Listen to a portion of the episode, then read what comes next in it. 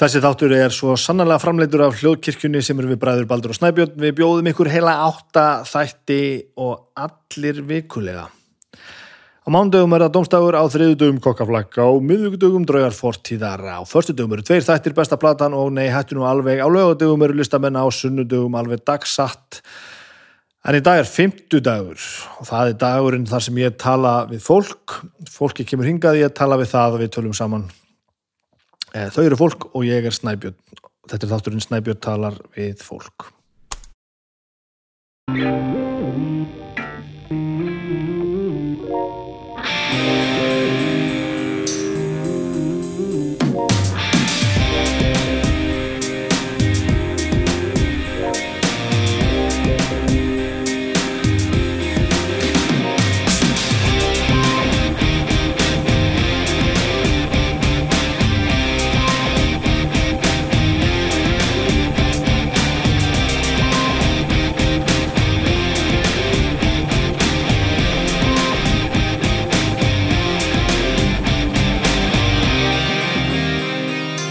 Halló, halló, komið sæl, velkomin í þáttum minn Snæbjörn talar við fólk. Þetta er nú svona, við þurfum að demba okkur í alls konar hluti. Ég sit hérna við eldurborðið sem er nú ekki í frásögufærandi. Nema kannski fyrir þar þær um, sakir að ég er að taka þetta upp á tölvuna sem ég kefti þessum daginn, svona Mac Mini tölvu og ég er búin að vera hérna með þetta allt tengt út um allt snúrur, út um alla stofu og tengt upp á sjónvarpið sem ég notaði fyrir skjá að því ég var ekki með annan skjá og ég prófaði það semst í dag að ég pantaði mig semst af internetinu að því að Mac Mini er semst ekki með neitt skjá það er bara svona svo stórt Apple TV í læru og ég er með þrálega mús og leiklaborð sem ég átti og að því ég var ekki með skjá þá tengdi ég alltaf upp, á sjónvarpið þá þurfti ég að tengja HDMI snúrið þar Þannig ég hafði bara tölvuna undir sjónvarpinu, gæti svo verið hvar sem er með liklaborðinu og músin, liklaborðinu og músina. Um, sem var gott og blessað. Nema að svo þurfti ég að tengja hljóðkortið, þar sem ég tengi mikrofónuna inn í, inn í hérna tækið sem heitir hljóðkort. Það er svo tengt í tölvuna.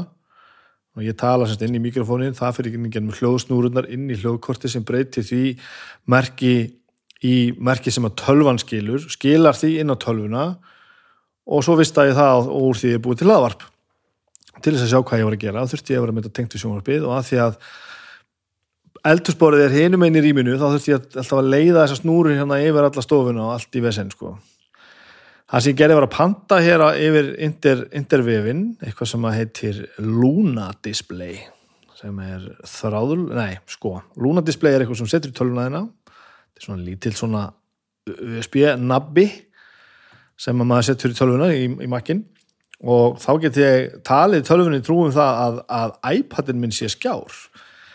Og þá er komið þráðlösan skjá þráðlöst liklabor og þráðlösa mús. Og svo er ég hérna með svona bluetooth, mjög öfluga bluetooth hátalara sem er líka gítamagnari sem ég get notað þráðlöst hljóð. Þannig ég er komið með það sem ég þarf að gera í rauninni er bara að stinga tölvunni minn í samband við ramagn, kveikja á henni þannig að einn snúra fyrir þetta allt saman. Það er bara ramasnúran úr tölfunni í ramagnið sendir allt þrálega úr sér þar meðal myndina. Og þetta svín virkar. Og hérna sitt ég við eldsporið er að tala í mikrofónin sem er tengdur hérna inn í hljóðkortið inn í tölvuna, jú, það er alltaf snúra á milli tölvunar og hljóðkortins já, ef ég er að taka upp sko, en ef ég er bara að nota tölvu eins og tölvu, þá er það þannig. Og hér er allt er allt hér er allt ráðlust, nú er ég að horfa hérna bara iPadin minn sem skjáin minn. Þetta er tæknin, þetta er svakalett og ég ákvaði að trista þessu í dag, ég voru að taka viðtal í dag og ákvaði að setja þetta í gang. Ég sá ekki alveg fyrir mér, ef þetta myndi ef þetta myndi eh, lognast út af og ég myndi missa sambandi, þá nefnilega er ég bara skjálaus, af því þá heldur tölvan bara að sé einhver skjár sem er sem sagt ekki að virka þá. Og þá veit ég ekki alveg hvað ég ætti að gera sko af því að þá er allt blind og ég sé ekkert hvort, hvort það allt er að gerast eins og á að gerast og virkar eins og að virka. Þetta virkar, þannig ég er hérna með nýtt setup, ég er að bæta enn í setupið, þetta er nefnilega, hér er allt ljómandi, þannig að þetta eru nýjar, nýjar græður og allt á blúsandi uppferð. Stóru fréttinnar yfir þessa viku er nú samt tvímalust það að ég spilaði D&D sem er auðvitað ekki fyrir ásögu færandi við gerum það eins og í viku. Eh, ég og, og nokkri góðir félaga mínir sem að flestir hafa nú komið orðið viðtal hérna, gaman að því. Gaman að því. Já, þetta er sex manna hópur og ég og fimm aðrir og fjórir að þeim hafa komið viðtal, það ekki? Jú, það er rétt. Það er bara tryggvið sem á eftir að koma í viðtal. Það er gott þið getur dundað ykkur við að skrolla yfir viðmannaldalista minn og aðtöga hvað, hvað er þykju við- líklegt að séu með mér í, í hérna í Dungeons and Dragons hópi. En við gerðum eitt með löngu fyrirvara. Við pöntuðum okkur sæluhús pöntuðum okkur Airbnb gistingu. Bara svona st- stóran sumabústað og fundum lausan tíma. Heila helgi, sumur okkar voru þrjánættur og aðri tvær og vorum alla helgina og spiluðum Dungeons and Dragons. Það þurfti að skipilegja með löngu fyrirvara. Þetta eru náttúrulega menn með alls konar skildur það sem gerði svo þetta var það að tímyndur áður ætlum að fara og þá var hert á COVID-reglunum þannig að við við tókum þetta til gaggerar endurskoðunar hvort við ættum að fara þetta er náttúrulega ekkert, ekkert grín. Um, og það sem við gerðum var að taka bara allar mögulegar ráðstafanir, taka allt alla breytum með í reikningin, ég er náttúrulega búinn að fá COVID. Eh, tveir ef, að, ef ekki þrýr af hinnum fóru í skimun ef, ef að menn fundu mögulega einhver mögulega einkenni þá fóruðu bara að letu aðtuga sig. Við töluðum við sérfræðinga og hitt og þetta og komust að því að í þetta stórum bústað við þetta stórt borð að spila eh, væru við ekki að búa til meiri hættu heldur við gerum bara heima hjá okkur. Menn sem að hittast hvort þið er reglulega og þetta er bara eins og vinnustæður í raun og veru. Þannig við vorum hann að sex saman alla helgina, letum okkur eftir allar allar mögulegar örgisrástafinir þá le- letum við gossa og, og kíktum í bústæðin og spiluðum. Sem sagt í tvo daga streitt, ég heldur við talaði saman að þetta hafi verið átján tímar sem að fóru í að spila Dungeons and Dragons og þar á milli fórum við í pottinn og, og, og borðum mat og sváfum. Uh, ég er nú bara sjaldan held ég verið í, í bústæðaferðum þar sem að ég hef drukkið minni bjór að þetta, það einhvern veginn fer ekki alveg saman að, að drekka mikið áfengi og, og spila D&D, en þetta var náttúrulega þetta bara liggur við að segja að þetta hafi breytt lífið mínu. Ég hef nú búin að spila fullt af, af, af roleplayað mikið um æfina en þetta þessi helgi var eitthvað allt annað sko þetta, er orðið svo djúft og allir þessi, þessi strákar eru náttúrulega meira og meina leikarar og þetta er svo mikil persónusköpun og, og það er svo mikið að gerast og við erum bara að spila saman svo lengi það er svo mikil forsa og við erum alltaf að tala um eitthvað sem gerðist í fyrndinni og karakterinn eru búin að finna sér svona sitt sína dýnamík sína á milli og þetta var bara þetta var, ég til dæmis minns, hann orgat minn sem er hálf, hálf orki uh, half ork uh, svona stríðsmaður hann uppljóstraði því lendamáli bara í miður trúnói að, að, að hann væri prins. Hann væri prins að hálgerum flotta eða í leita sjálfu sér eða, eða hvernig sem að átúlka það. Og þetta er eitthvað sem ég og, og Bjössi sem er að stjórna stjórna eventýrinu, við erum búin að vita í sko að vera tvö ár en þeir hafa aldrei vitað, hinnir spilararnir og hinnir karakterarnir, þannig að þeir voru í alveg að heyra þetta í fyrsta skipti og ég var að segja hann frá þessu og þegar að dýftirinn er svona mikil að menn eru búin að spila saman svona óbáslega lengi og eitthvað svona, svona kemur upp uh, þá er tilfinningin svo hikkalega skiptin og þetta gefur svo miklu, svo miklu dýft. Þetta var mjög merkilegt. Þetta var, þetta var alveg hérna stór stór, stór fyrir tilfinning einhvern veginn að að vera að búa til eitthvað svona algjört meikbílíf og finna hvaða skipti mann ofbáslega miklu máli. Þannig að, að þetta er nú hópurinn sem við erum svona að velta fyrir okkur hvort við eigum að, að fara með í þetta hlaðvarpsform one way or another eh, maður fyrir náttúrulega ekki nestislegus í bústað þannig að eh, ég tók nú með mér bara alla græðunar, ég tók með mér um, um, svo ég tala nú um samstarfsaðilina, ég tók uh, Reykjavík Rósters, ég tók náttúrulega með fullta kaffi frá Reykjavík Rósters, tók með mér um, mokkakornuna, hittabrúsan og allt saman. Komur svo reyndar að því að því ég var komin á staðin að, að, að það var span hella í bústanum og, og, og hérna kaffikarna virkar ekki á þannig eldavel þannig að við urðum ég, sko ég ætla að nota orðið nauðuðir viljugir að, að nota bara upp á hellika konuna sem var á staðnum. En það var náttúrulega frábært að þurfa að gera það því það náttúrulega bara rifjaðist upp hvað uppáhælt kaffi er enga veginn síra kaffi bara vel uppáhælt kaffi og góðri vel er enga veginn síra kaffi heldur en þetta sem ég er að drekka dagstælega sem er mokkakaffið og pressukonjukaffið og þetta allt saman bara vel uppáhelt filterskaffi er bara svo frábælega frábært. Eh, vildi svo til að ég ákvaða að ég saði frá því fyrir löngu síðan ég fyrir kaffikvörn í jólagjöf og ég var bara ákveða það að ég ætlaði að skiptinni því að Torfi hérna á Reykjavík Róstes sem allt veit náttúrulega hann var búin að benda mér á einhverja, einhverja, einhverja kaffikvörn sem, að, sem að, hérna, hann mælti með. Og ég trassaði alltaf, svo náttúrulega bara löngu, löngu runnin allur, allur frestu til þess að skipta hann. Ég sagði bara fokk, ég tók þessa kvörn sem ég fekk, með, fekk í, hérna, í jólagjöf sem er náttúrulega ljómandi góð, fór bara með hann í bústæðin sem að reyndist uh, happa, happa aðgerð vegna þess að það þurfti við náttúrulega gróðara kaffi í filterkaffi heldur en ég hefði notað í, í hérna mokkakonuna. Þannig að við gerum pínu tilvunir þar með glænýja glænýja kaffikorn og, og náttúrulega drukum glimrandi gott filterskaffi alla helgina sem var mjög gott því að þetta, það, það tók aðeins á að spila og mánudagur var heila hálf ég var eiginlega með þvag í stað heila held ég allan mánudaginn. Þetta, þetta var ekki, mér leiði ekki eins og ég farið í einhverja fríferð í bústað. En ég er ekki að kvarta mér dögjufull var þetta gaman. Uh, Sómi er þetta með mér líka við tókum með okkur alls konar við tókum með okkur ég tók með mig bæði hangjöldsalat og rækjusalat. Ég komst að því að, að það sem ég vitaði alla þann tíma er hárétt Ég borða bara hangikjöldsalat ef það er nálagt, það er bara þannig. Þetta var nota sem nast svona á milli, við, vorum, við heldum alls konar kjött og alls konar hluti. Og þetta var svona nota þegar að hérna, það þurfti að grípa sér eitthvað bara að sletta nógu djöfulvel, djöfulvel úr salatdóllunni á, á bröðsneið og tróði upp í sig og halda áfram að drepa galdrakalla, það er mjög gefandi, ég get alveg sagt ykkur það. Ég get alveg sagt ykkur það. Um, svo að sjálfsög tók ég með Soma Savana nýju. Um, ég hérna hafa svolítið hátt um það ég sé hérna um, mest í vegsafanum grænasafanum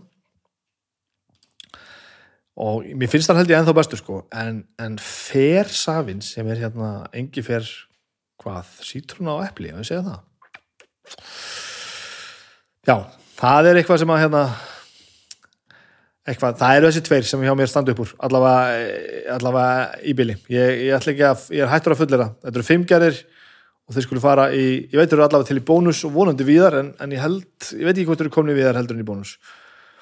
Og þið tí hvað þetta er þá er þetta svona hérna áast á græminsafari í svona flöskum svona plastflöskum Hágæða kaldpressaði safar gerur úr ferskri uppskýru ávast og græmitis veitar næringarík orku út í daginn til þess að hjálpa þær og hafmark, hámarka þín afkvöst. Því eru sómasafinni tilvæði til að grípa með sér á æfinguna sem millimáli í vinnuna á fundin eða á ferðinni eða í Dungeons and Dragons missjónið yfir heila helgi. Svona er þetta gott. Þannig er nú það, herðu ég ætla að minna ykkur á eitt. Um, þetta er alltaf átt að þættir hérna uh, hljóðkirkjunar uh, sá þáttur sem ég jafngamall þessum við vorum fyrst byrjuðum við náttúrulega með bestu plötuna og við byrjuðum með, já, Dómstafur var náttúrulega fyrst svo bættist besta plata við og svo byrjuðu þættir nummið 3 og 4 á sama tíma sem var þessi hér, Snæbjörntalega fólk sem og e, draugar fortíðar sem er Flossi og, og Baldur, bróður minn. Og þeir hafa gert að, ganni sínu að vera með svona auka þætti það sem ofta hefur baldu verið að segja, segja flosa frá einhverju merkilegu, svona einhverja aðeins öðruvísi þætti. Og það var að síðasta laugadag var auka þáttur hjá draugunum draugafortíðar þáttur nummer A7 auka 7, ég held að baldur hljóta merkja þetta sem A7 þetta er auka þáttur 7 það er nú þáttur sem heiti hvorki, hvorki meirinni minna heldur en draugar samtímans með Guðuna TH fórsetta liðvildisins Þetta lesa hérna lýsingun á þættinum og ég hveti ykkur öll þess að hlusta á það vil svo til að, að Flósi og Guðni hafa sameiginlega snertiflut, sameiginlegt áhugamál sem kemur fram inn í textanum og þeir þekkast ég held að Guðni hafi verið kennarinnars Flósa og leiðbyrjandi þegar hann skrifaði rítgerina um þetta tiltekna mál, þorskastriðið. Flestir hafa þá mynd af sagfræðingum að þeir sitja hóknir á skjálasöfnum og rýni í skruttur sem fjallum eitthvað sem er löngu liðið svo er ekki alltaf raunin Uh, til er nokkuð sem heitir samtíma saga og spannar yfirleitt um, tímabili frá, frá lokum setni heimstyrjaldar til dagsins í dag. Það getur reynilega verið varasamt að stunda þá grein sagfræðinar. Viðmannandi okkar í þessum auka þætti veit allt um það. Í fyrsta sinn erum við með gest í hlaðvarpinu og það er sagfræðingurinn Guðni T.H. Jóhannesson. Svo skemmtilega vil til að hann er einnig fórsett í Íslands. Við setjumst niður með honum í Tomsen stofu á Bæsustofum bestastöðum og rættum söguna og þá sérstaklega nokkuð sem er ástriða bæði flósa og guðuna þóskastriðin Þetta er náttúrulega stórmerkilegt bara fyrir það að vera stórkvæmslega skemmtilegu þáttur þá er eh, guðni tvent, hann er fósitt í Íslands hann er þrengt, hann er fósitt í Íslands. Hann er sagfræðingur sem gefur, gefur svona alltaf ákveðra dýft og svo er hann alltaf alveg framúskarandi skemmtilegu maður. Þannig að þetta er eitthvað sem hefur hljótið að fara og tekka á þegar þessi þáttur er búinn. Um, svo kom ég heim eftir þetta. Þess að óölu roleplayferð. Og fyrsta skipti hérna uh, um kvöldi sem ég kom heim þá stóði hérna eitthvað bara koma krokkur mér úmi og ægilega gaman að hitta og eftir og við borðum saman og allt ægilega mikið stuð um, stóði hérna eitthvað og var að fara að sofa og, Agni segir alltaf já, öflugu mökkurinn í kvöld. Og ég leiti hérna út í glöggan og fyrsta skipti þá sá ég eldgósið bara heimann frá mér. Ég, hérna, ég, þegar að byrjaði að gjósa þá ringdi ég hérna alveg sem ég mögulega gatt hérna út í myrkrið og sá ekki neitt sko síðan er náttúrulega liðin allir þessi tími og, og ég veit ekki hvort að gósið hefur bara hvort það hefur á, á, stekkað svona mikið eða hvort að skilirinn hafi verið svona þykkara góð í gæri eða hvort að ég veit ekki hvað bara eitthvað, eitthvað var það. Allavega sást mjög greinilega appelsínu gulur svona strókur alltaf sé ekki alltaf, við séum ekki að sjá reikin og bjarman sem slæðir á, á, reikin og guðvurnar sem að hraunni varpar á, á reikin og guðvurnar svo ég sé nú að því er nefnilega ég er eðlisfræðingur, ég veit ekkert hvað ég er að segja. Allavega, ég sé eldgós út um glungan hjá mér það er stuttasvarið og það var frekar magnificent closure á, á, á þessa óbóstlu Dungeons and Dragons ferð skulum við segja. Þannig er það mikið er allt gott. Eh, viðmannandi minn í þessum þætti er Vikingur Kristjánsson leikari. Hann er náttúrulega einn af stofnendum um, Vesturports uh, ofbóstlega öflugu leikari sem hefur séð uh, merkilega hluti, gert aðeins í margt merkilegt eins og kemur fram í þessu stórkostlega skemmtilega spelli og um páskana, núnum páskana þá verið þið að að stilla yfir á vekkferð og það tók hann að byrja heyriði hvað er að skrifa töluna hérna? Vekkferð uh, það sem þetta kemur allt fram í spjallinu eftir það sem hann og Vikingur og Ólafur Darri leika svona einhverjar eh, einhverjar svona hérna eh, ef að segja hliðstæðar útgáfur á sjálfum sér. Hliðstæðar útgáðu sjálfur sér svona hérna svona, já, svona erketýpur á sjálfur sér það sem þeir eru eitthvað að leita sjálfur sér og sannleikanum og eitthvað og ferðast um. Já, þetta kemur allt fram í viðtalinu. Eh, fyrsti þátturinn, þetta er 6 þáttar seria og þetta hefur göngu sinna á, á páskadag á stöð 2, 4. april á, á, á 4. april á stöð 2 endilega tekja því, ég held að þetta hljóti með það sem að segja mér henni hérna viðtalinu þá held ég þetta hljóti að vera ógeðislega skemmtilegt Þannig er nú það og það og ég held að þetta sé orðið no, ég skal hætta þessu tuði farið og hlustið, eða sittið bara kjör standið kjör, gera það sem það er að gera og haldið ykkur fast og hlustið á mig haldið ykkur fast. Þetta gerist þegar að, þegar að þáttastjórnandi komin alveg út á tún Þetta er ég og Vikingur Kristjánsson. Njótið vel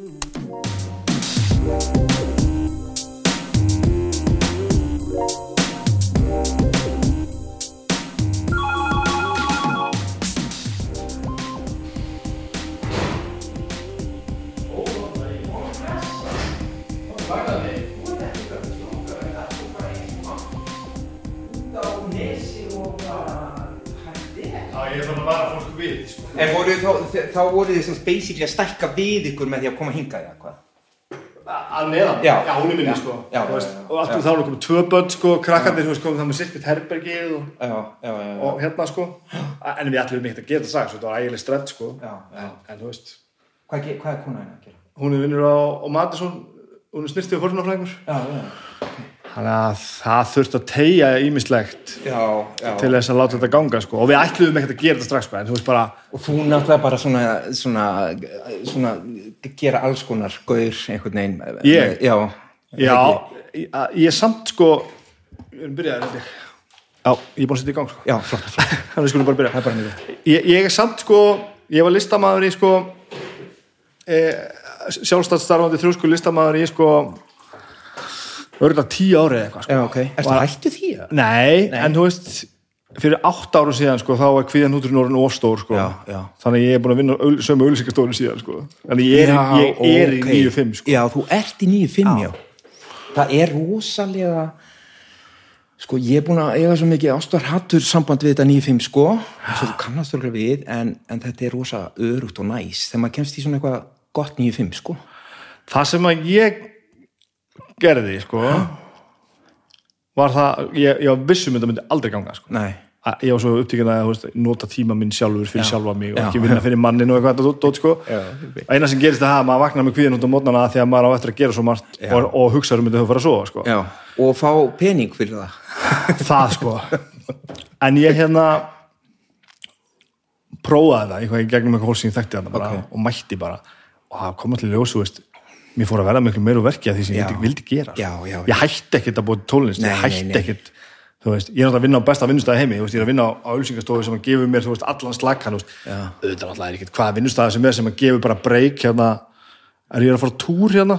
Evróputúr í sex vikur og bara, á, ok, við rettum því bara. Já, ertu þá textahundur eða? að við teksta á hugmyndasmiður sko. já, já, einmitt. Og þú veist, núna er ég að vinna fjóra dagi í viku þú veist, þetta er mánundagur, þá ger ég þetta sko. já, já, Þannig að, en það var það sem gerist hjá mér. Aha, að þvert á það sem ég held að þetta varð betra sko. og mér fór að verða eiginlega meira á verki. Já. Ég var kannski, þú veist, þegar ég hérna svo ég tala nú meira sjálf Já, ég meina ég er bara nota benni, mér finnst ég bara einhvern veginn það er svo mikið privilege að vera hérna eitthvað. Mér, ég er búin að gangi í gennum alveg hvað er ég að fara í viðtal til hans? Sko? ég, þú, ég er miklu meira hérna heldur en þú sko. En að, já, halda áfram. Hérna, segðu mér ég var kannski ekki alveg komin á það stað, þú veist ég gati ekkert valið úr verkefnum, skilur sko. já, já, ég, þú veist, ég, þurfti alveg að taka svolítið það sem bauðst og vinna það bara til þess að ná endum saman sko. aha, aha. og, og það varði einhvern veginn auðveldra fyrir mig að fara bara í vinnuna sem auðvitað, mér líður geðveitt vel í það er bara, það er bara að sittast niður í, í stólum ykkur nýja móndan, það er bara það er oft bara letir, það er bara oft mesta fríði sko, Já, já, já. og þessi brjálaði að gera aha. og þá gat ég bara að tekið verkin með sem ég virkilega vildi gera sko. þannig að þú veist, ég þurfti ekki jafn mikið að hugsa bara, já, ok, ég verða að þýða þessa fokking bókjala sem ég nenni ekkert að, veist, nenni ekki svona að lesa hana, sko. En segðu mér, svo höldum við áfram að, að tala við þig hérna, hérna, en hérna áður nú fóst í þetta og, og varst svona 9-5 og hugmyndasmiður og svona þá, þá varstu hérna að gera þú varst að gera músík og varstu líka að skrifa og, og eitthvað svona alls konar? Sko, já, ég, ég skrifaði til dæmis, ég skrifaði tvö sísona stundin í okkar Já, veist, ég skrifaði einhver já. leikrið eitthvað að setja upp, veist, í stóru leikursunum og miklu, veist, við stofnum leikursunum Lottu, ég er eitthvað stofnendu þar Já, er það? Ok er búin að skrifa örgulega, sko fjögur, fimm leikrið eitthvað þar, sko Já, já. Það er náttúrulega með ykkur þessa uh, ljóta hálfvita, sko. Þið eru allir einhvern veginn svona pingu uh, crazy, sko. Í, í, eða svona, ég menn, þetta eru skapandi menn. Já. Ertu að vinna með honum, hérna, Sigurgeir? Sævari, Sævari, Sigurgeirs, já, Sigurgeirs. við sittum bara við sittum jafnblant hvort öðrum og við gerum núna, sko Já, hann er höfðingi, sko. það er stórkurslu maður Já, hann er það, sko. og, og Það það er stórkostlegu maður. Hann er það, hann er það, það er bara ég, ég er alveg, ég er sammálaður. og það er bara og þú veist, hann var komin inn á undan mér sko, en ég Já. kom svolítið inn í þetta jobb gegnum hann sko, Já, já, já, nefnitt. en ég veit að hann upplifir svolítið það sama sko, en auðvísi auðvitað snýst þetta um það að við erum ógeðslega hefni með vinnuna sem við erum í þetta, er, þetta er bara veist, ógeðslega skemmtilegur hópur, kreatív starf Mhm. fullu skilningu fyrir það er ekki allir eins sko, bara, "Heyrðu, ég ætla að fara með hlaðvarp bara, frábært, fara að verða með hlaðvarp þetta er privilege maður. þetta er ekkit eðlilegt og þetta er bara svo langt frá að vera sjálfsagt sko. Já, þetta er það, sko. en þetta allavega rak listamannin á mér svolítið á hól sko. Já, að hérna nei ekki listamann, meira sko sjálfstæða fávitan já, já, já. sem ég held eitthvað að ég þyrft að vera þessi sem myndi, þú veist ég þurfti þess ekkert sko Nei, men, en, en það náttúrulega hefur að gera með náttúrulega eh, jobbið sem þú fyrst Að- sjálfsögðu. Auðvitað það líka, sko. það er alveg náttúrulega bara klikkir í svona kreatíft st- stús sko. En svo komst ég líka að því að ég hérna, ég þarf aðhald sko Já. Ég er ekkert mjög agaður sko ég skilaði alltaf öllu einum deg og já, alltaf, ok. alltaf þannig sko Ertu B?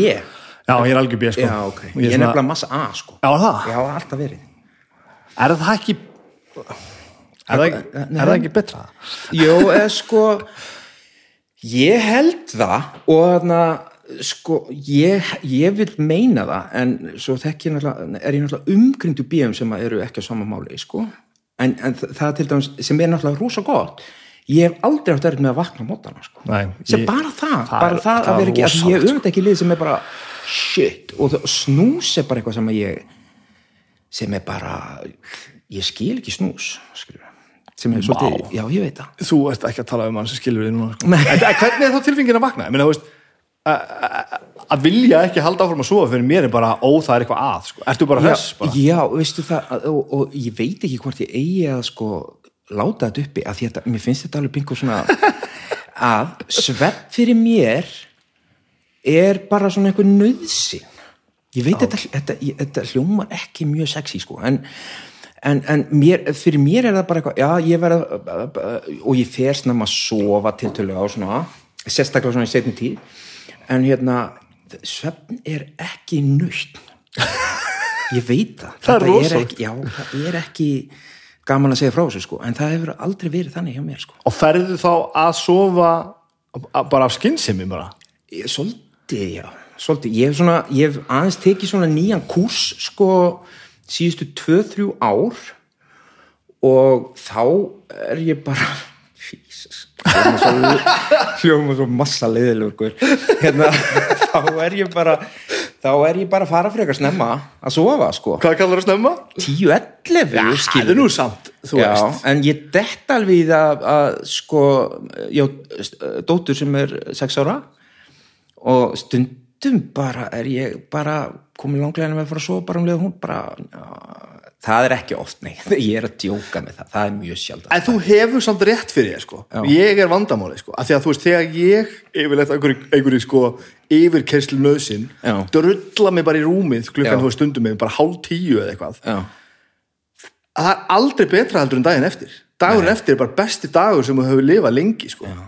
en ég er alltaf að hengslast þetta er er svona ákveða ég á að horfa næst þú veist, Já, á já, Netflix? já, já, já, já. ég er ekki svona að horfa á þetta, ég er bara svona Já, þetta er auðvitað leðilegt, ég ætla, ég ætla að skrolla eitthvað ég ætla að googla hvað er gott að horfa Já, á. en- það er það svo að fáið þið sko. nefnilega, en þú, svo náttúrulega er þetta þetta er orðið eiginlega pingu vandamál með að horfa því það er svo sjúklega mikið Já. að maður er bara oh, maður er að drukna og, og náttúrulega stór hluti bara drast en maður vill horfa á eitthvað gott og það er bara svo mikið gott í gangi að maður er bara eitthvað en samt líka þegar það er svo mikið sko, Mhm. þá er hérna þröskuldurinn orðin sko, maður er bara að færa hann. Maður er engan tólerans fyrir einhverju sem er næstum því gott. Nei, ja, ja, þetta það er þarf bara að vera það annars finnst maður þetta bara að vera derrast. Ég veit það nefnilega sko. Þetta maður gaf svona einhver, einhver eitthvað sem var alveg skilur sko. það er bara ekki núna. En drastlið fær náttúrulega bara enga sés ekki neitt sér sko. en ég hérna já, ég sko ég meira segja þér þú veist ég er að kvöldin er ég að reyna sko það er náttúrulega það, sko hérna, það er náttúrulega búið að bladra svo- ekki bladra, heldur tala svo mikið um, um, um mikið væg sveps ég fór á hérna bókamarkaðin loka daginn á hættum bókamarkaðin lögadalum tóða hefur mikrofónin aðeins nærið ég veit að bróðum hefur mjög ánæður og hefur hann bara snálættir og hægt Já, svona. en þetta er alveg færanlegt þannig að græjurstu með maður? Tósa Hérna, þetta til eins og þú vilt. Ok, hann, hann bara, þú bara ó, næs hérna fór á hérna, hérna bókamarkaðin og þar sá ég hérna einmitt þessa bókin um svefn ég keifti hana sko þetta á að vera, þú veist svefn er bara ógæslega mikið áður, skilur en ég menn það er það, ég held að allir viti það sem hafa átt eitthvað að stríða Mhm. að þú gerir þetta ekki sveflu sko. nei, allt sem er að Já. það er verra ef þú ert ekki búin að sofa Já. eða kvíla þig Já. Og ég er alveg þarna sko. og, ég, og, og ég er ekki grínast því að segja sko, þú ert að gera þetta rétt sko. já, ég er að gera þetta rétt. En það, en það er ekki það er ekki rosa kannski samt gaman að gera hlutina rétt. En ég er í því, ég er rosa mikið að gera hlutina rétt og, he og hefur alltaf gert það? Nei, ég var náttúrulega, þú veist, ég er búin að bara þvælast um í mörg ár í alls konar og alls konar og, og tók tímabila sem ég djammaði og, og djammaði á mikið stundum og eitthvað svona Svo er að þetta síðustu svona 2-3 ár sem ég er búin að vera bara rosa slakur á því, sko. Og alveg meðvitað bara að ekki, já meðvitað en ekki eitthvað svona ég verð að slaka á. Ég bara dætt í hana gýr einhvern veginn og ég bara uh, ósalega mikið bara að uh, sinna sjálf mér svona, uh, skilur ég bara er í, í svona róle, rólega þetta gýr sem bara mjög fínt, ég er, ég er 50 ára næsta ári skilur sem er alltaf bara styrlað sem er styrlað, hvað er þú gammal? ég er fættur 78, ég er 40 Já, þú ert náttúrulega bara pff. ég er, ég er að vera 49 ára eftir nokkra daga og 50 ára næsta ári skilur, maður er bara þetta líður aðeins og hratt dóttir í sko. 6 ára Já, þú ert enn setna á ferðinu með þetta en ég sko. Já. og mér finnst ég vera allt og sett sko. E- ekki skynseminslega, að ég gerði þetta mjög vel sko. Já, ég á tvö börn með konu sem að mér gengur mjög vel að vera með og hún með Já, mér já. og við búum hérna saman og, og við erum bara fyrirmyndar sko. á þessu, á þessu fallega heimili þetta er bara briljant, er allt gott fallegt, allt við lífum mitt er gott já. nema að þetta hefði alveg svona lífsklukkulega séð mátt gera svona tíu árum fyrir sko. Ég veit það. því að ég var bara tveggja barna faðir hérna, það er allt var sem ég svona er að skrýða yfir hóli núna strákurinn er, hann er fokking hriðverka maður sko. Já. hann er þryggjára, hann er svona aðeins að koma yfir þetta vestar sko. Já, og ég bara, ég hefði ekki viljað vera eldri sko. þú, ert, þú ert eldri já, já ég er reyndar ótrúlega heppi með það ég, ég vil meina að sé ástæðan sé svo að dóttir mín er svolítið lík mér að hún er ótrúlega meðfærileg og þægileg okay. og alveg lausið að vera að terrorisera nokt skapaðan hlut þannig að hérna, en þetta er alveg rétt ég menn hún er hún er sex ára og ég er bara gamall maður. Já, já. En, þú, en þú finnur þetta? Já, ég finn alveg að já, samt, ég hef alveg gaman af þessu og það er gaman að búa til börn og veist. Ég hef líka gaman að þessu sko, ekki já. miskjálum við sko. En, en á álagspunktunum er ég bara þá fæ ég líka bara svona tilfinningu ég fokkin nenni sig ekki já, já, þá verð ég bara svona, fæ ég bara svona afa tilfinningu Já, já. að nú er ég búin að leika nú Já. og ætla ég bara að skila badinu það sem það á að vera sko. ég nefnilega sko er alveg komin að þann aldur og ég á náttúrulega tvö eldri börn sem eru sko ég ætla ekki að fara veist, það verður rosa fínt að verða afi sko en ég meina ég á börn sem eru alveg gætu fara að gera eitthvað svo leið sko og það verður rosa fínt bara einhvern veginn að eins og þú segir, bara sprella og, og í þeim og, og, og, og henda eins og bara í fóldrarna sína sko geta bara svona gert það eins mikið og maður nenni Já, sjálfur sko. já, kannski einmitt, aðeins sko. meira og þá líður manni gett vel með sig Já, og getur meiri sér sagt, nei, veistu, ég er bara er veist. Það er sjúklega næs, sko. Já, já, já, já. Það er bara þannig. En þú ert sem sagt landsbyð eins og ég, það er náttúrulega svo gott að vera landsbyð. já, sko, ég er húsvíkingur sko, Já. Og ég segist vera húsvíkingur -hmm. og meiri sér húsvíkingar sem eru nú ekki endilega til ég að sleppa hvernig sem er inn sko, Nei. segja ég sé húsvíkingur Já, en raun og veru er ég það bara alls ekki neitt sko. Nei. ég, er, ég, ég, ég bjóðar í sko átta ár sko. já, og ég flutti ekki ánga fyrir ég var 12 ára sko. maður ég mitt. Þannig að, en það er- er alltaf það. Allt sem að ég tengi við er alltaf það. En, en fóröldarinn, er þau eru... Nei, þau eru bara, mamma er skæðurum og pappi var bara reykvingur sko. Og en ég er fættur á En landsbytalanum eru þau þar eða? Nei, nei, þau eru pappi dáin og Já. ma mamma flutti fyrir tveimur, þreimur ára bara í Kópavóin sko. Já, já, bara kenna það sko. Þetta, er bara, þetta er bara eins og með mig. Ég bjó á Ísafirði sko. Þetta er eiginlega bara nákvæmlega sama. Að, að, og það er meira sér að þú veist Ísfyrringar eh, ég hef alveg tekið debatt um það hvort ég sé Ísfyrringur skilur og þeir eru, sumum hvernig eru alveg til að henda mig bara fyrir bussinn skilur ekki séns. En, en ég, þú veist flyttið þangað þegar ég var tveggjara og, og pappi er þaðan og, og svona nýstal og, og svona. Og var þar, var svo fyrir vestan þetta ég var 12, 14 og svo fór ég og þú veist. Þetta er bara sama sagan já, þetta er basically sama saga sko. nema ég fór, ég veit, þú hefur ekki farið, ég fór nefnilega svo fyrir þetta er svo fljótt að líða, átt árum, átt árum þá uh, kynntist ég konu sem að uh, er, var frá söðri, er frá söðri og hérna þá var ég eitthvað svona, já, best að fara bara að flytja og flutti vestur sko á söðri var þar í þrjú ár, fór að vinna í fiski bara og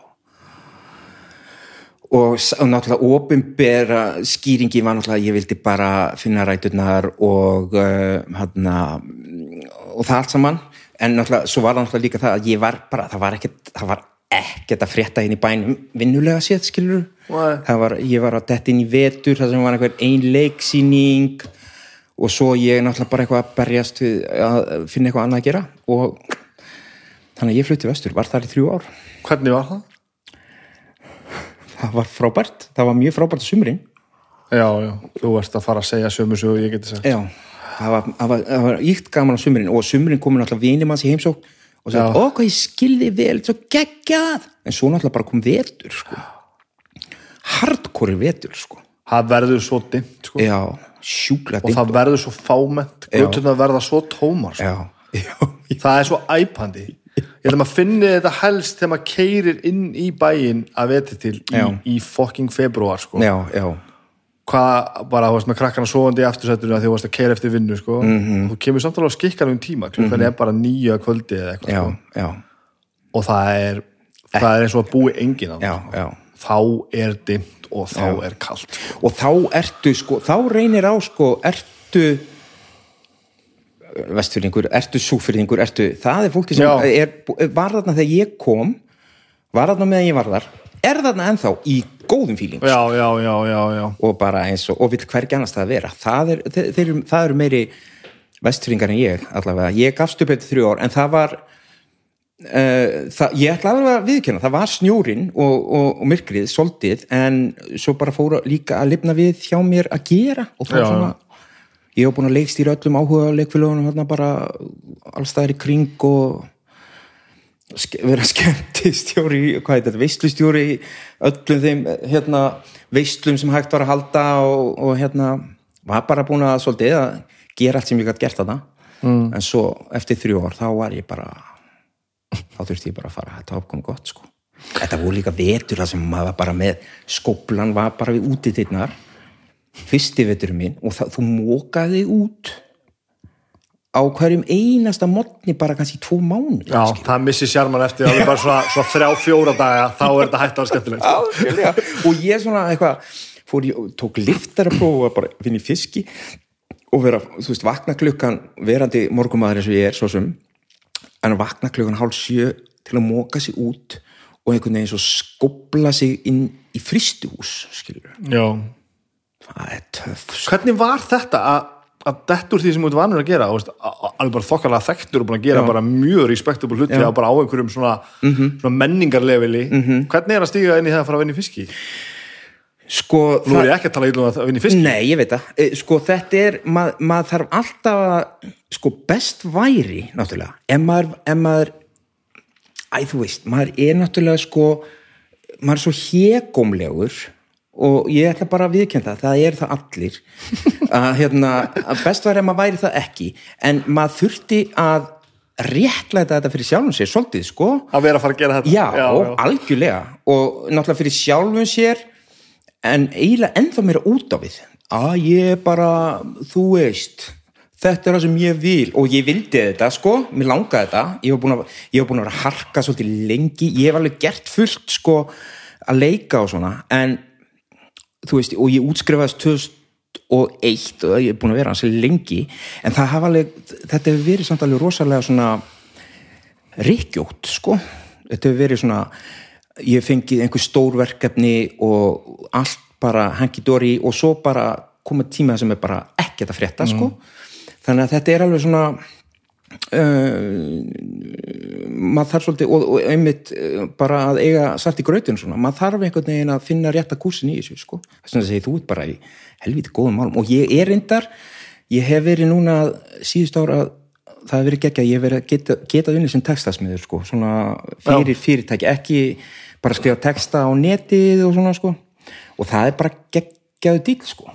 Þegar þú segir að hafa þetta réttlega þetta fyrir kannski meira öðrum, heldur en sjálfu þér Já. þá tala réttlega fyrir þig þú veist, eða Já. var fólk að spyrja bara hvað ert þú að fara að gera eiginlega? Já, nei, nei, það, það var meira svona þú hér og eitthvað svona Já. sko, og smá Já, já. sko þú bara hérna hérna í Er ferillinn búinn? já, eða svolítið skiluru Já. og maður svona bara "Hey, já, maður, þetta er bara ævintýri og eitthvað svona skiluru veist, maður þarf að og, maður, og sko og ég ætla ekki að ljúga, ég var ekki að segja við alla, já veistu, það var bara ekkert að gera í leikarastúsinu.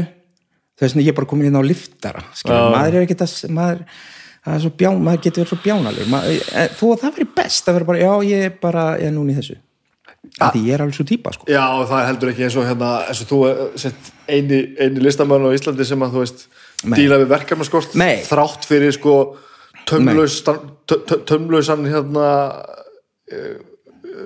tömlausan færni og áhuga og sko já, já.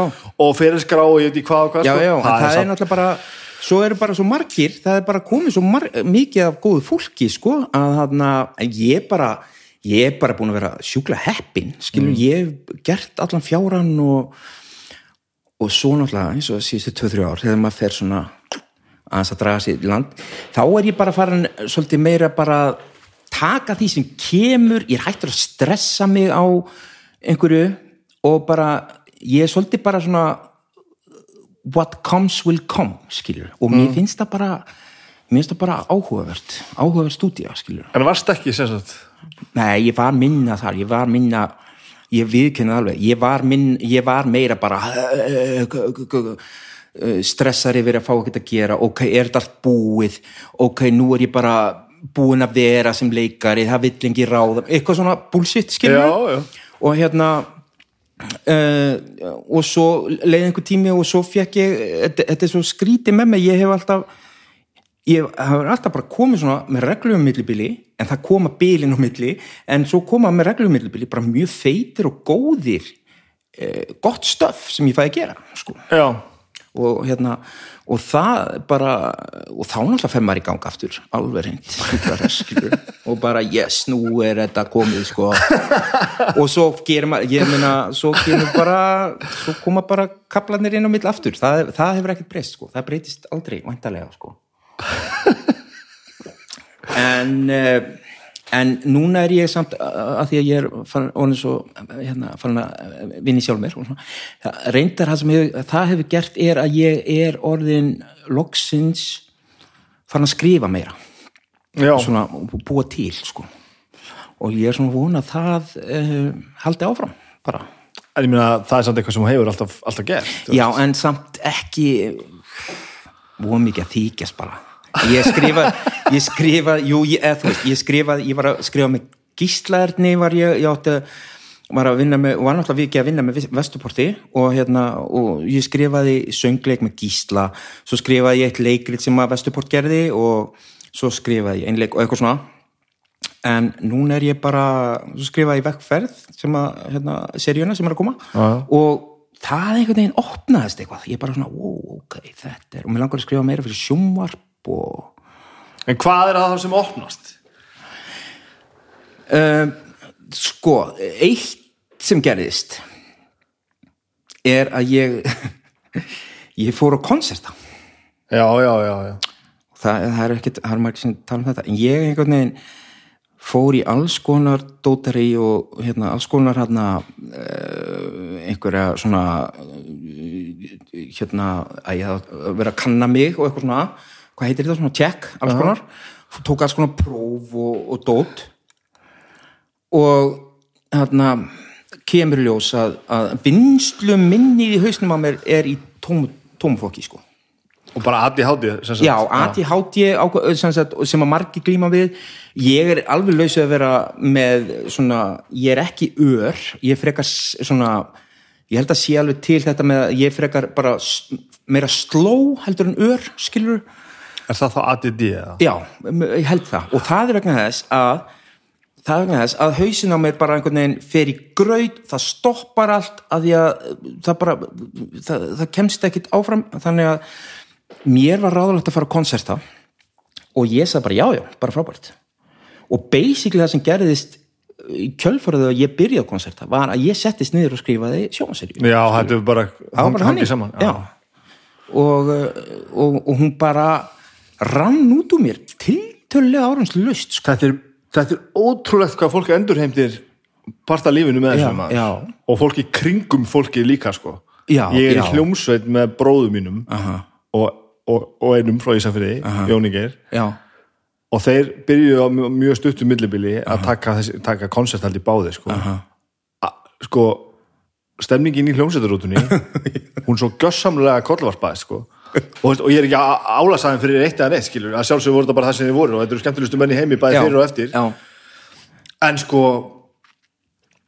kyrðin sem færðist einhvern veginn yfir allt sko, og þú veist, vesenni sem að einhvern veginn hvarf Mhm. og hvað þeir bara eruð allt í hennu sko, meina, ástæð fyrir að við erum að tala í þessa mikrofóna núna Já, er bein afleðinga því að bróðum mér fór að koncerta sko. Já, já, já. Af því að hann er hryggurinn í þessu, þessu hlaða, og fyrir koncerta, hann er aldrei að breyki að halda þessu saman sko. nei, ég skil þér svo bara allt í hennu bara komst hann á, á þess, þessa, þessa, þessa afstemmingu sem hann þurfti sko. Já, og bara saman þú ert að lýsa með sko, allt í hennu fyrir þú að skrifa. Já. allt í hennu hann bara allt þetta sem ég bara hugsa um að ég þurfa að gera og ætla að gera og vilja gera, nú ætla ég bara að gera það. Já, það er svona, þú ferði í þann gýr, sko. Og allt í hennu horfði ég bara í stélið á honum að hann bara hlaupið með hugmyndin sem Já. bara að tala um og vera óþórandi að tala um að gera ekki neitt Já. í einhver tíu ár, sko, svo bara herðu, ok, já, ég skal vera með, ok. Og þú, já, einmitt. Og ég meina þetta er bara þannig sko, þetta er náttúrulega, þetta er engin einhver Æ, svo er maður alltaf eitthvað svona að því að það er náttúrulega alls konar skoðanir á þessu dóti og svona og það er að taka svona, en ég segi fyrir mitt leiti ég bara uh,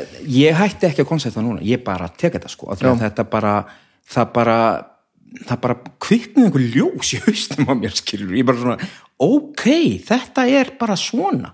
Og maður byrjaði að hugsa hlutina og þeir bara fóru áfram eitthvað skilur og það er alveg mjög magnað. Og ég ætla bara að halda áfram koncepta og ég, núna er ég bara, ég sitt við og er að Er, ég, ég er að skrifa heima á mér og, og það er bara, kemur vonandi bara meira skemmtilegt Já. sem að verður að einhverju. Og var þetta það eitthvað sem hann var búin að búin að svona ætla þér að gera Já, ég náttúrulega sko, ég ætlaði al- alveg langt, sko, á undan því að vera leikari, ætlaði ég að vera bara rítundur, sko. Það var bara, það var passjónið, sko. bara að skrifa skáldsögur Já, já. Hún er ekki komin ennþá, en hún er mögulega að koma núna bráðum, sko, eh, ég segi ekki á næstu mánuðum, en hún kemur. Ég sé fram á hún komin. Hún. Já. Ég ætlaði bara að vera, ég fór í íslensku í háskólan, skilur, eftir stúdent, kláraði stúdent, För- fyrst erum við komin hingað Já. þú, þú, þú, þú ert fyrir vestan 2014, sagði ekki og hvað, hva, slags hérna, þá eh, hérna pappi fór eh, hérna, faði minn fór frekar sviplega í slisi og við byggum út í sveit þá. Vorum í, fyrir ég ætla ekki að gera þetta kannski vorum hérna á sveitabæ og, og, og pappi var svona helviti aðdorku samur gaur og vildi verða bóndi og við fluttum inn í Ísafjörðdjúb og vorum þar með hænsnabú og alls konar svona eitthvað dótt og svo dó- deyr hann sviplega, hann fe- festi í flugslýsi og eftir það var bara þá var einhvern veginn mamma bara e, var ekki alveg til í skiljanlega, við erum sexi skilin sko að hún, hún ákvaða að eh, láta hérna sig hverfa og fór suður í Hafnarfjörð. Voruð þið áttaði heimili. Og, og hann deyr frá öllu sem er í flugslýsi Já. Þau tvö eldri voru nú svona eiginlega farin samt sko. Ok.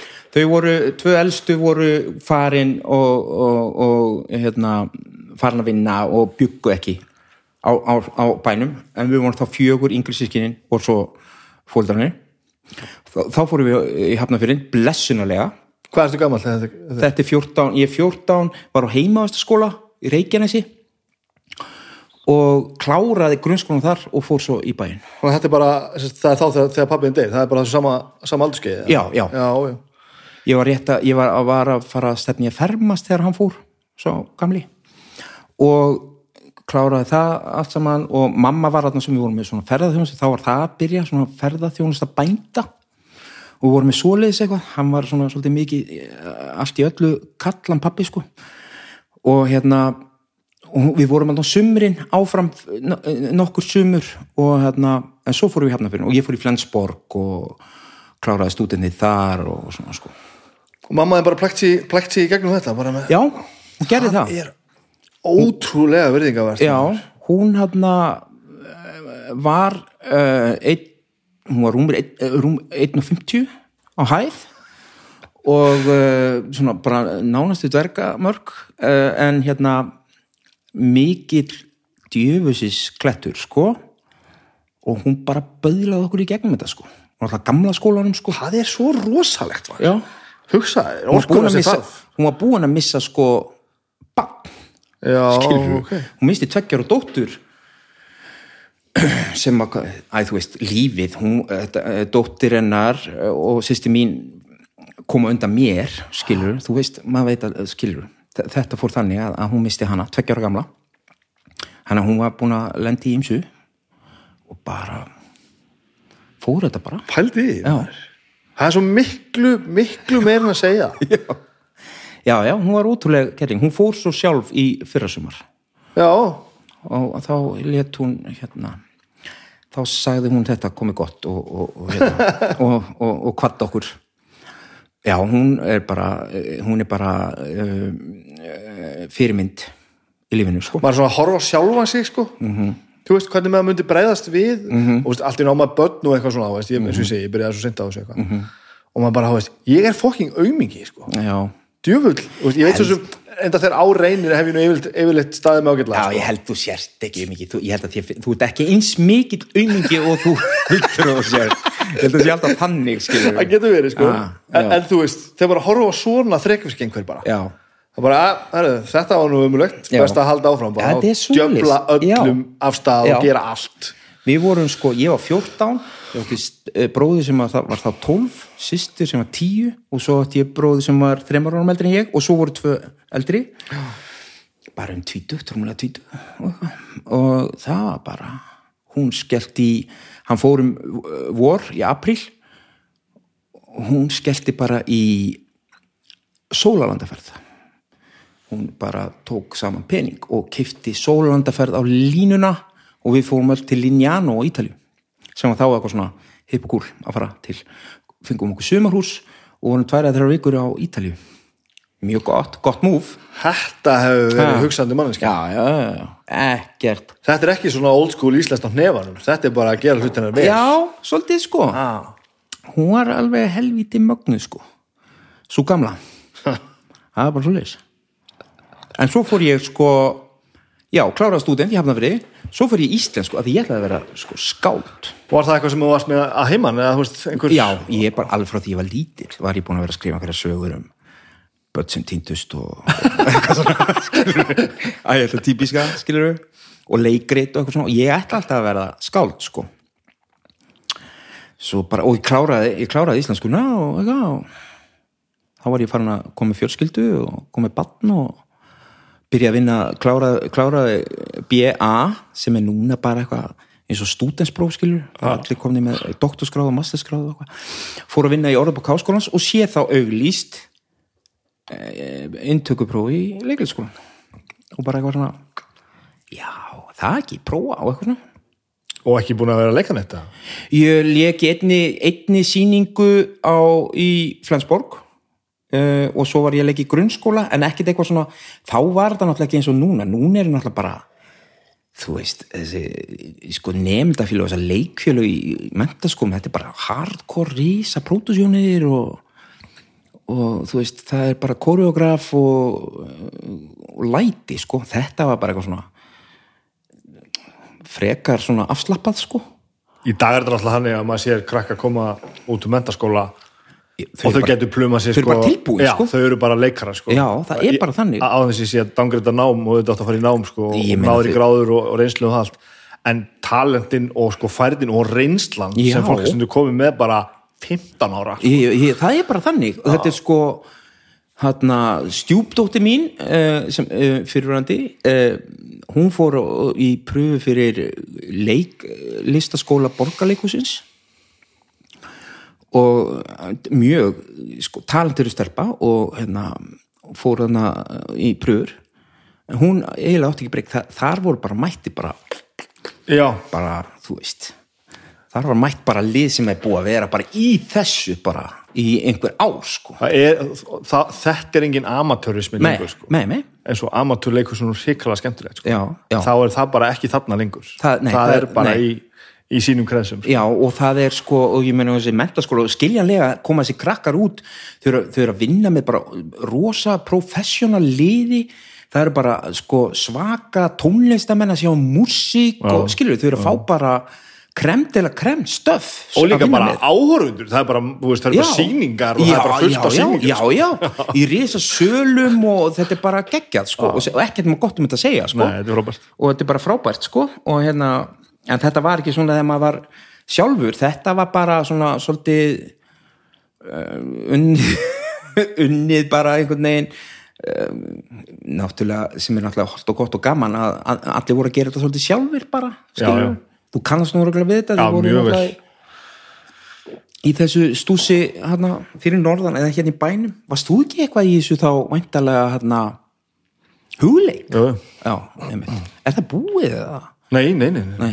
Er, nei, alls ekki það, og það er bara ansi ég er ekkert, ekkert komin á því í ansi mörg ár sko. Nei, en það er bara mjög mjög reglulegt. Já, já, já. En, en sko um, mér, mér líður sko, nú kannski verið skotin í kaff mér líður eins og hérna uh, umfangi það einhvern veginn sko mingað sko. Það er meira verið að gera svona bara svolítið svona kröftugar minni sýningar sko, mm. þetta var farið að ganga svolítið mikið út á það að vera bara í tjarnabíjói sko, Já, já, og já. bara selja miða og það bara komið margir sko, Já. sem var frábært fyrir það sem það var. Já. en mér finnst eiginlega enn meira gaman að fara bara í svona lítinn svona drullupoll sko. Já, það hljómar rangt, en fara bara svona bara inn til þeirra það sem þau eru að gera og það Mhm. er bara mjög oft bara intense og bara náttúrulega quality er náttúrulega Mhm. alltaf frábært sko. uh, og svona og, þessi ástriða að vera svo greinileg þegar þú ert svona nálagt öllu sko. algjörlega en ekki bara svona í svona venjulegum leikúsal sko. Nei, ég meina það er náttúrulega sko, ég hef nú verið hérna svo heppi með að sko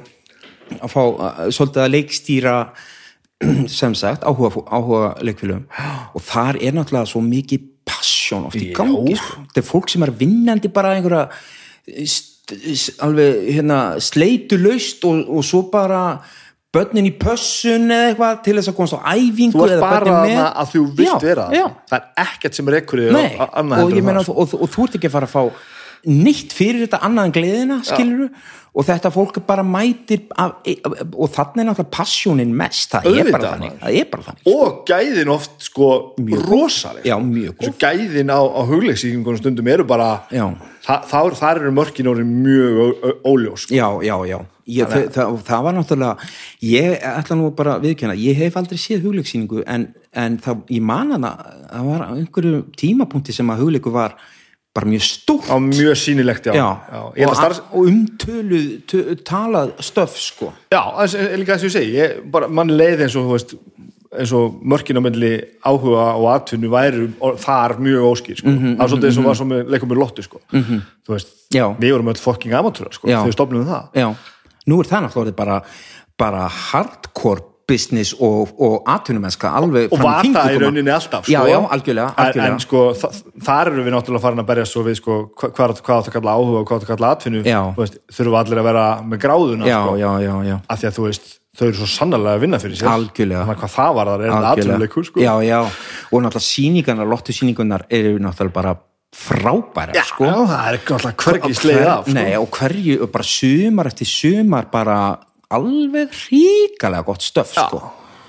Ég hérna, hef bara helst eh, ég hef bara reynd að sjá þetta alltaf og það, það er það góða þau kom alltaf til manns skilur þau hafa verið að sína á víðistæðutúni í hefnafyrði og maður mætir þar sko. Þetta mótil er svo gott maður. algjörlega maður. Það er bara þannig. Fyrir allt landið og svo þvælast þau um og, og hérna í krummaskuðin og drullið við krummaskuðin og þau skilja líka sko að það þarf að vinna vinnuna já og er að gera þetta sjálf náttúrulega já, Þa, já, það er já. ekki nóg að segja bara, að ég er rosa góð hugmynd hérna. Ég ætla, ég, ég ætla að koma til þín með síningu og ég ætla að leika. Nei, veist, þetta gerist ekki þannig, þú þarft að fara og segja herru, við erum að koma hérna og við ætlum að gera þetta frábært og þú verður að vera með mér sko, frú bæjastjóri, þú veist, eða hvað þetta er sko. algjörlega. Og ég var alveg með í, í þessu byrjun og ég veit þetta bara orðið meira og þetta mikil sko. en þetta er gert af fólki sem veit að það þarf að vinna vinnuna sko. já, já, þetta er ekki eitthvað bara Vá, rosalega, þú heppin hvað leikhópurinn þinn er stór. Nei, nei, Nei, nei, þetta kemur heppni ekki við, nei, sko. það er alveg Þetta þannig sko. er bara hardcore vinna, sko. og svo voru þau komin í tjarnabíó og þau voru komin app og einhver djöfl ég veit ekki já, hvernig það stendur Það er þetta- er í loft, loftinu, loftu Já, appi, ok, sko. ok. Sem alltaf voru síðasta, uh, síðasta entity í heiminum örgulega sem seldi geisladiska. já, já, akkurat Þannig að nú er allt komið app, sko. Já, appi, þannig. það, það, það er rúlega hérna hjá mér, sko, hverjum einsta deg og við Já. bílnum út um allt, sko. já, ég þarf að finna það, Það er er, er frábært. Já, það er snildarlega uppfinning. Það er bara allt draslið í einum lista þetta er svo mikið líka orðið, skilur Já, þetta eru örugglega 15 síningar. og svo er það að taka sko er að taka sko stöffi sem að við gerum fyrir tíu ára síðan. Alltaf, og það var alltaf hugmyndin sko að setja það upp í Já, já, já, já. tíu Já, ára já. gömul síning sem var sínda sumri er sett upp sem vetrasýning í tjarnabíu já, já, já, þau voru að koma svolítið á flug með það, eh, ég held að COVID hafi svolítið kyrt það í klessu, sko. það ger ekki gott fyrir það sko. nei, nei, en þetta er hana, þú veist. Já, já. Það er, það, já, það er bara svona náttúrulega grunnirinn alltaf að því og öllu þessu svona kreatífa stöfi er bara áhugi og gleði náttúrulega sko. -hmm. alveg burt sér frá því hversu vel skóla er þú ert sko. Og svo er þetta alltaf spurning reynsla og skóli og, og svona skilur það er bara eins og það er. Og svo er náttúrulega líka sem að er að skána að, að samfélagi farið að gúttira bara að gott er, má bara vera gott það þarf ekki Já. alltaf að skilgreina allt bara. Nei, nei, nei, þetta er ekki endilega gott fyrir það sem þetta er. Þetta er bara gott. Já, bara, já, algjörlega, algjörlega. mér er eiginlega alveg sama hvað þú ert og nú er ég ekki aftur, ekki gera lítið úr, úr, úr náminu og gráðunum og því en sko afsakaðu íslenskuna, mm. lélugu leikari sem er búin að læra er lélegri heldur en góðu leikari sem er ekki búin að læra. Já, já. Og það er þannig sko. það er þannig, já, já, það er þannig. Það er bara, hérna það er bara alveg, hérna, straight to the point. Það er bara, það er bara það er bara satt. En hvað hérna uh, var þetta þá bara nóg að þú hafði ekkert annað að gera? Eða fórstu bara sóttur um í leikskólan bara svona því að það var einhver gammal draumur sko, og eitthvað og ég veit ekki, og, jú, mér langar alltaf alveg, alveg að skilur leika og hérna og ég held að ég hef svona alveg uh, svona vita að ég gæti orðið góður í því sko. En þetta var rosa mikið samt sko, þetta var uh, og ég held að það sé ástæðan fyrir að ég fór inn bara í fyrstu tilraun ég hafa bara þannig Já, Já, að, ok. að, en ég held að það hafi svolítið haft með það að gera að ég var sko búið með háskólagráðu ég var, ég var, sem sagt, ég var orðin 24-5 ára þegar ég sækjum sko. þú kláraði íslenskuna Já. og varst að vinna á háskólanum þegar þú fer þannig Já. já, ok og er komin með það svo mæti ég bara í pröfur og þar er bara fólk fyrir utan að býða eftir að fara inn sem er bara skjálfandi af því að þetta er bara upp á líf og döiða bara ég bara fólk að grá, koma grátandi út úr pröfum að því að þeim gekk ekki nú vel og eitthvað. Og ég var bara frekar sl slagur Já. sko. Og það hjálpaði mér alveg mjög mikið. Og ég fór bara inn og hérna þau voru bara rosa sátt við það sem ég en ég held að það hafi haft svolítið mikið að gera að ég segja að ég var bara að prófa þetta og mér finnst þetta spennandi en ég var ekki eitthvað bara lífið hjekk ekki á þessu nei. já, já, ég og það er alveg þannig fyrir suma það er bara ok, ef ég kemst ekki hér inn þá verð ég að fara út að læra og það er náttúrulega bara fullt af pening og, og hérna dýrt og vesen þannig að það er best að komast hér inn ég, ef ég hefði ekki farið inn þá hefði ég bara kvart, sko, ég hefði ekki reynd aftur sko. Ég Nei, bara, ok. nei, ég hugsa ekki sko þá hefði ég bara áhugavert já, og kemur manni fyrir sjónir einhvern veginn sem svo, veist, svona passion leikari sko. já, já. Svo, svo, svo óks það sko.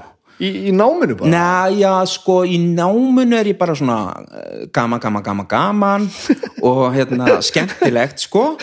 Og ég er náttúrulega mjög svona samviskusamur og, og, og vanda mig og, og finnst þetta mjög skemmtilegt og hérna, og fer alla leið eins og ég, ég geri það yfir alltaf og hérna, útskrifast svo kemur hérna vestuportstæmið og ég er mjög mikið að vinna með vestuporti.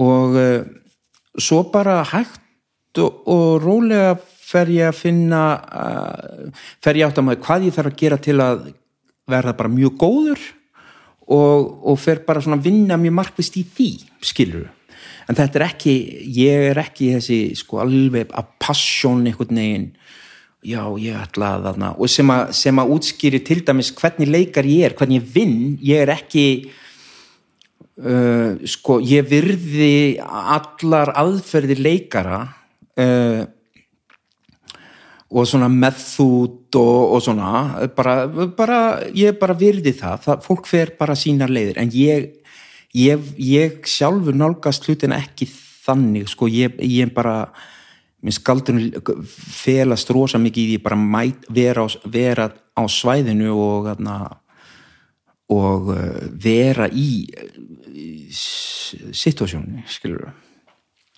það er galdurinn fyrir mig. Varstu þá, þú veist, er það þá minni undirbúningur eða þú veist, eða ertu Nei, að eða sko, bara hann, an, annar hann er, hann er um, undirbúningurinn fyrir rosa mikið bara hann fer rosa mikið bara sko fram í haustnum á mér. Ég er, ég aðhyllist sko og, ein, og ég vil endur taka það að ég ber virðingu fyrir bara öllum, öllum aðferðum. Fólk bara nálgast sína vinnu á mismandi hátt. Ég las í hérna í skólanum stuttabók sem að hérna heitir True or False. True or False og er þetta David Mamet? Og það er bara svolítið biblían mín sko. Og þetta er stuttbók og hann náttúrulega eins og hann er hann er náttúrulega rosa mikið í kjaftinum og, og er bestservicer og, og, og svona og hefur ekkert alltaf hefur ekki allt gengið upp sem hann hefur gert. En, en samt sko sko gr, grunnurinn af því sem kemur þar er bara þetta hljómar ég ætla bara að segja það er bara læriðu textaðin og kottu á svæðið og farðu með helst textaðin skilur og, og, og, og það er mikilvægast skilur Já, og hérna og það er líka þessi sko grunnur sem er, mér finnst mikilvægur og ég hef alltaf vinnið með, er að hva, hvernig sem á það litið þá, þá og, og hérna, efnið sem þú ert að vinna með þetta er alltaf þú skilur þetta er alltaf þessi líkami, þessi rödd já, já, þetta hjarta sem er hérna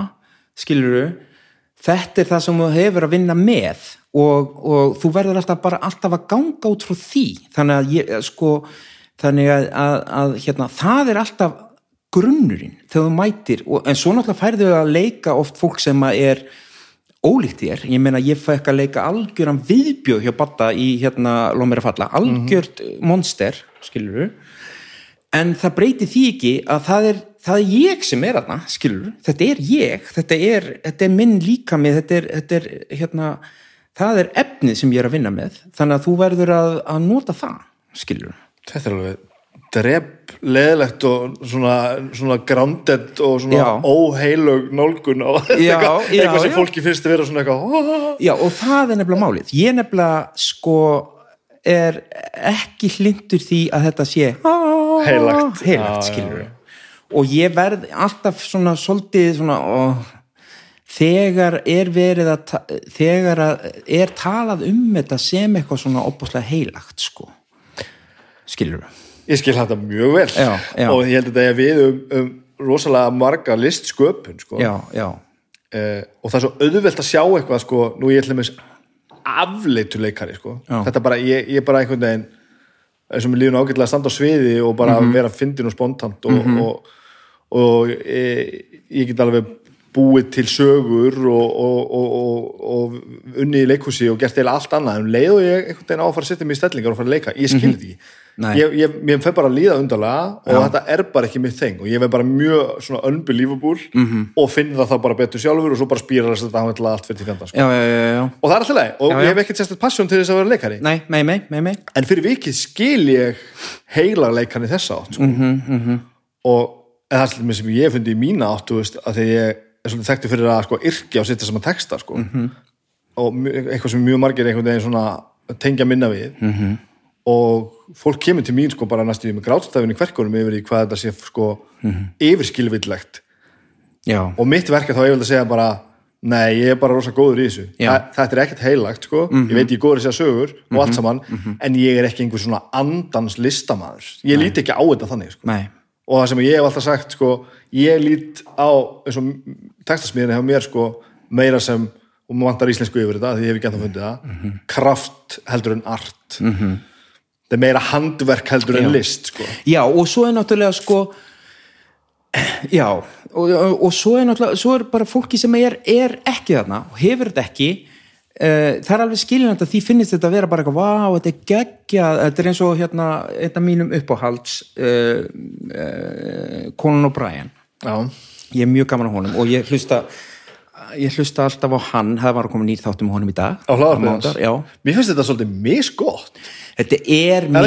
jú, þetta er misgott, það fyrir náttúrulega svolítið mikið eftir uh, sko, hérna hver, hvernig það er að tala já, við, það sko. stjórnar svolítið mikið Já, af því sko. af því að hann, sko, og þetta er best þegar hann er að tala við einhverja sem að sem hann þekkir aðeins Já. og næra að bulla með og þeir fatta og byrja að bulla á múti, Algjörlega. en hann segir sjálfur, sem er alveg hann sagði sko að hann er náttúrulega með þetta hann er með, bara eins og þú varst að segja sjálfan þig, en hann er með þetta bara ég hann á auðvöld með að bulla hann á auðvöld með að skemmta hann á auðvöld með að segja sögur og svona.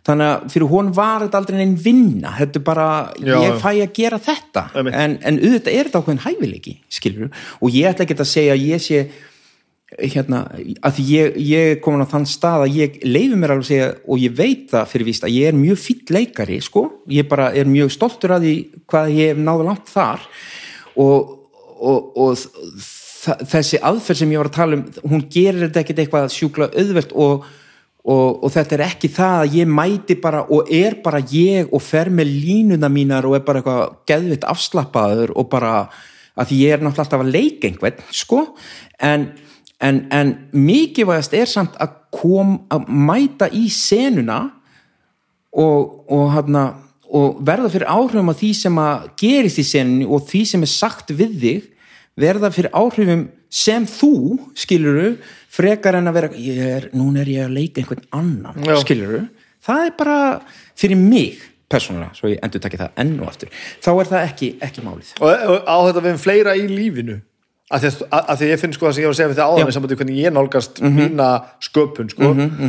Ég er svolítið praktískur yfir höfuð sko. Ég, ég er ekkert mikið fyrir að gera hlutina heilaga. Nei, nei, ég, ég er miklu meira fyrir vísindin sko, já, ok. Þú veist. Já, og ok. þess vegna finnst mér og, og ég held að en auðvitað náttúrulega fullt af leikur sem hafa gjössalega sópa mér út, út af þú veist, Mhm. bara upp á sætinu og maður bara veit ekki hvaðan það kemur. Mhm. en ég hef rosa gaman af þessar aðferð sem þú ert að tala um sko. Mhm, þegar fólk er bara ég, það er bara verkefni hérna sem þarf að leysa og það þarf að Já. gera það frábælega sko. Já, já.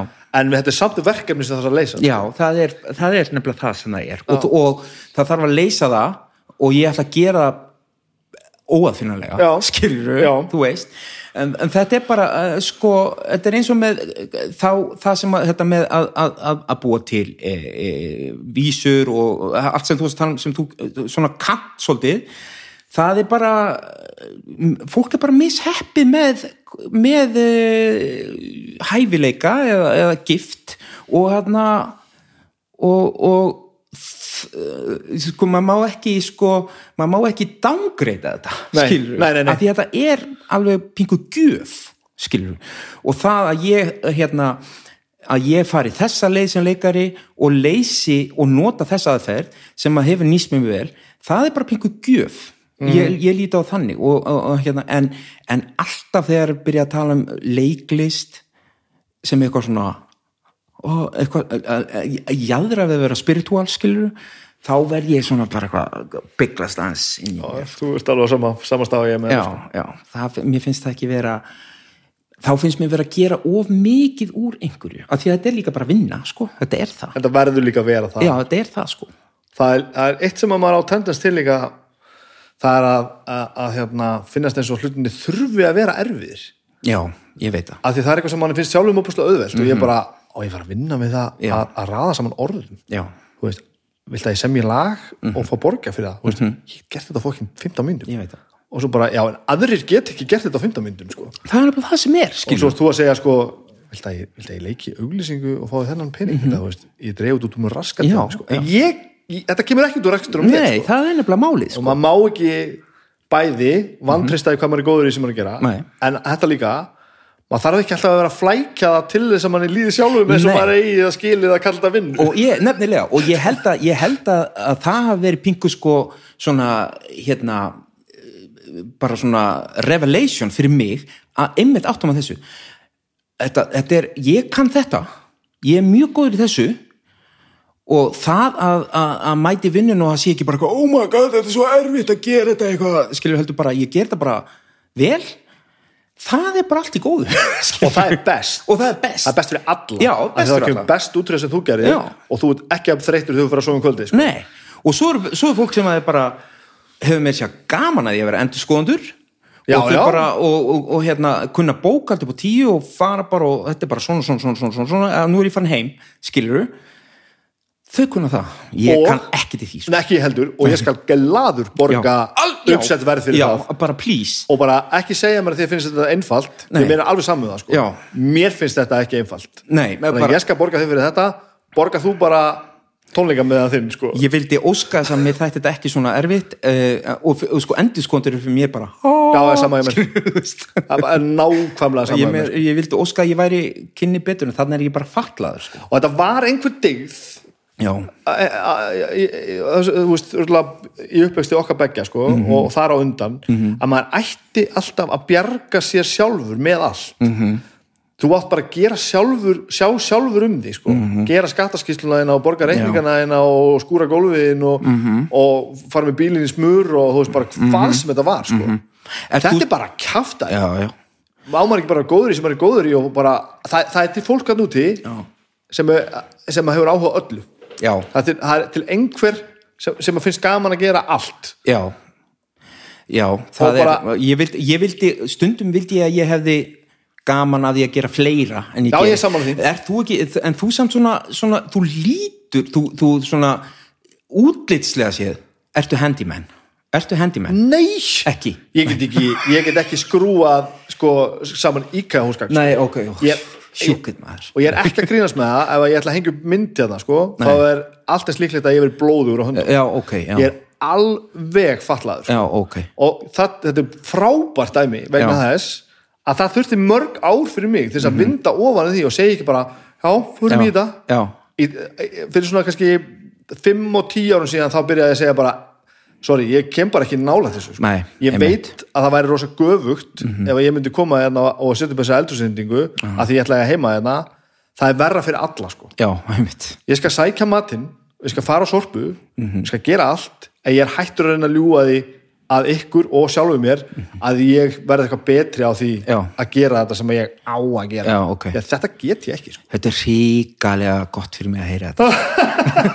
Ég er algjörlega sko ég er svo fatlaðar hana sko og, eh, og ég er ennþá svona ég, ég er svona pingu uh, það er 2021, maður á gera en ég er svona, ég er ekkert að að, nú er ég reyndar að bladur um það hérna í, mikrofón, en ég meina mann man finnst maður eigi að kunna þetta, skilur ég bara, ég skipt um peru, ég ger það nokkuð nokkuð áfalla laust sko en að gera eitthvað svona sem þarf að gera, sem er oft þar er ég bara eins og fáið sko. Ertu að tala um svona, svona, svona, svona einhver kallmennsku kjæftaði? Já, eitthvað svona, já, redd, að því maður er ólst upp við þetta svona, þú veist, maður redda sér, sko. Það átt alltaf að vera þannig, sko. Ég, ég setti einu sinni upp hérna, þú veist, fyrir mörgum er þá tók ég mig til og ætlaði aldeilis að, hérna, vera, það var held ég eftir það sem ég svona ákvað hætti þessu bara að setja upp svona borð, svona borð sem gætt svona halla niður, svona eldusborð sem að þú gæst felt niður upp í veginn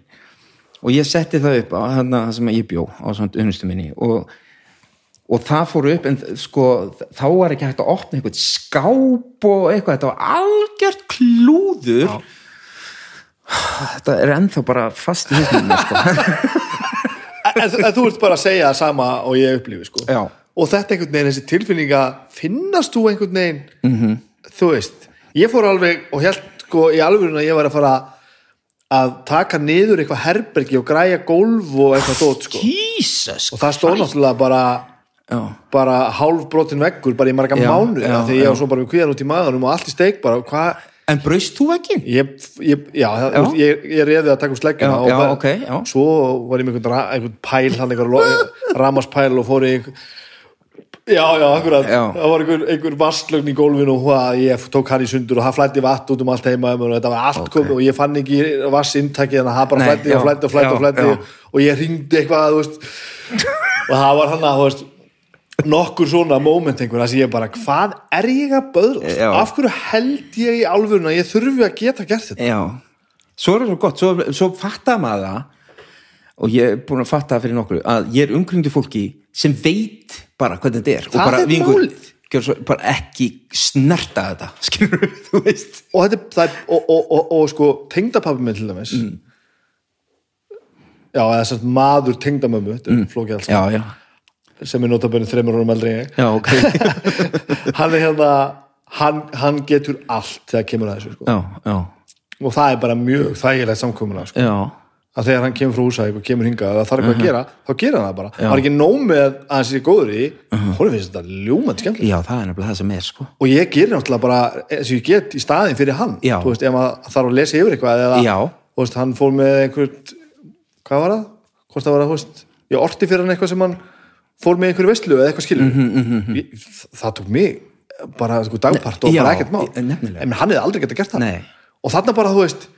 það er hægt að mætast á mér í leið já sko. og bara ná þessari sátt sko. Já, Maður, já. ég er engin aumingi þó að ég get ekki haldið á hamri sko.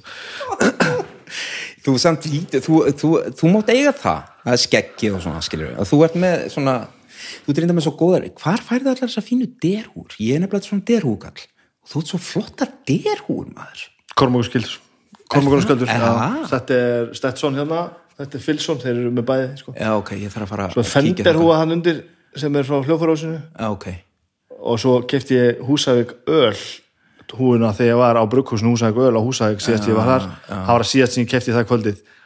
Ég vaknaði eiginlega bara með hann á höfðunni ég man eiginlega ekki að hafa keft það. En það var var frábært sko. þetta er, ný, þetta nýþur komið með þetta Er var eiginlega, þetta er bara þessi húa sem ég með, já núna þessi apsingula já.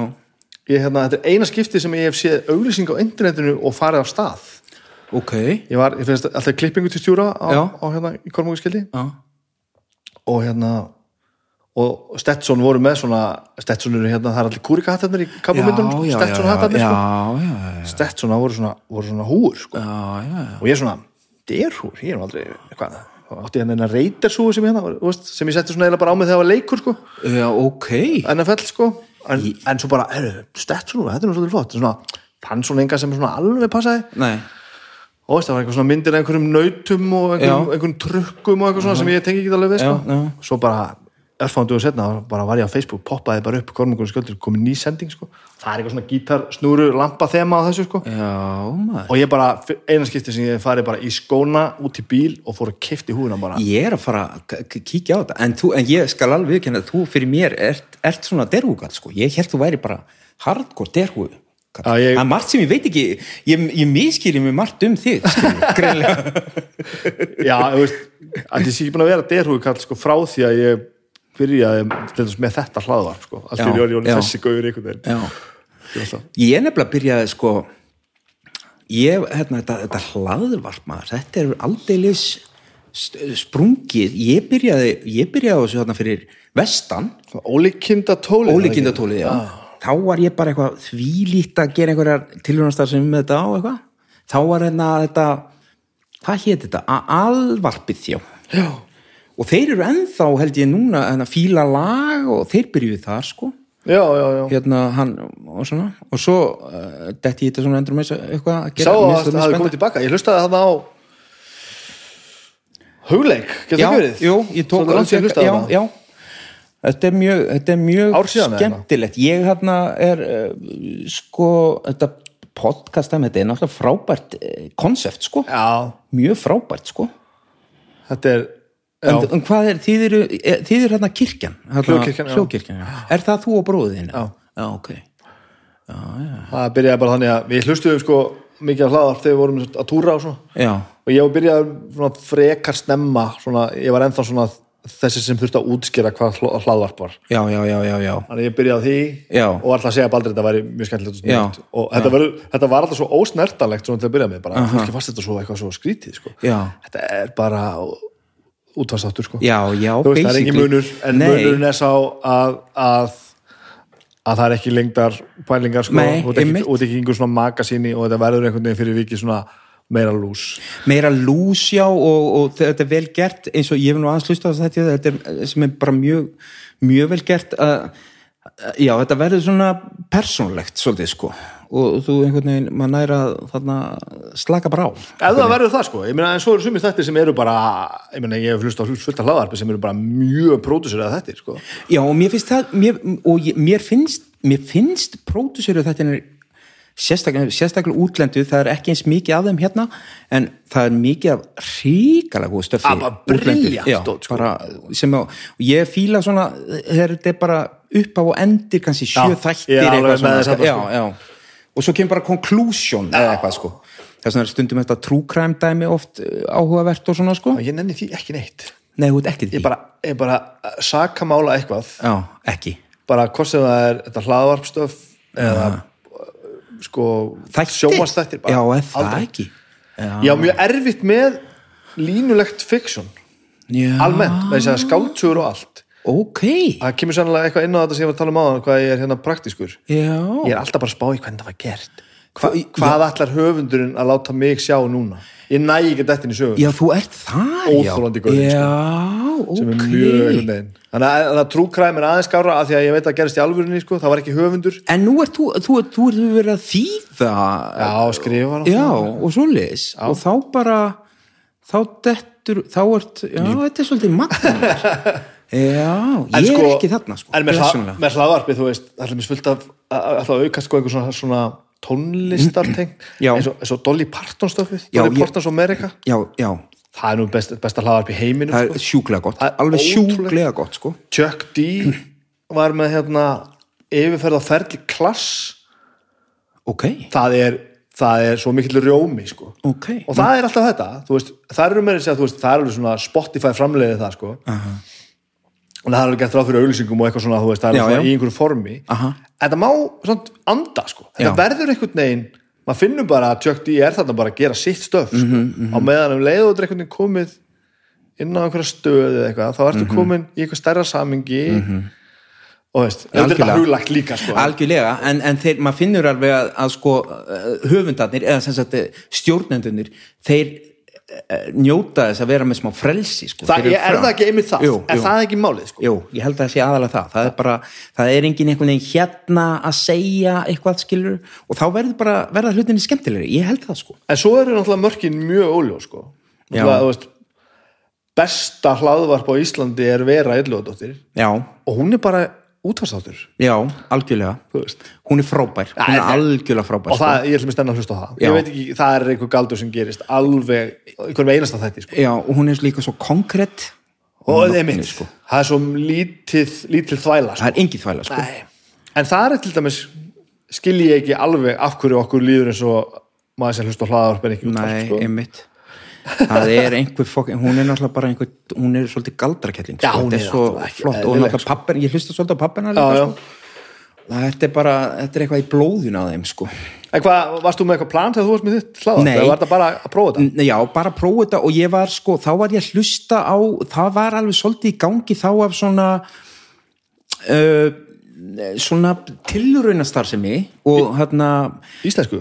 Nei, útlendu Já, sko. Og þetta, það var ekki mikið e, íslenskt komið. Þannig að ég var svolítið svona og þá bjó ég fyrir vestan. Svo veit ég ekki alveg með þess að þætti. Ég veit ekki hvort, ég, hvort þeir hafa týnst eða eitthvað. Ég var, eh, þá var ég svolítið að fara með eh, hérna mikrofónin á bryggjun að tala um bryggjukallana og eitthvað svona. Og var eitthvað eitthvað að prófa, prófa mig áfram. Og hérna, en ég var ekki að nei, ég var ekki að fara eitt eða neitt heldur bara, mér fannst þetta bara ógeðslega skemmtilegt.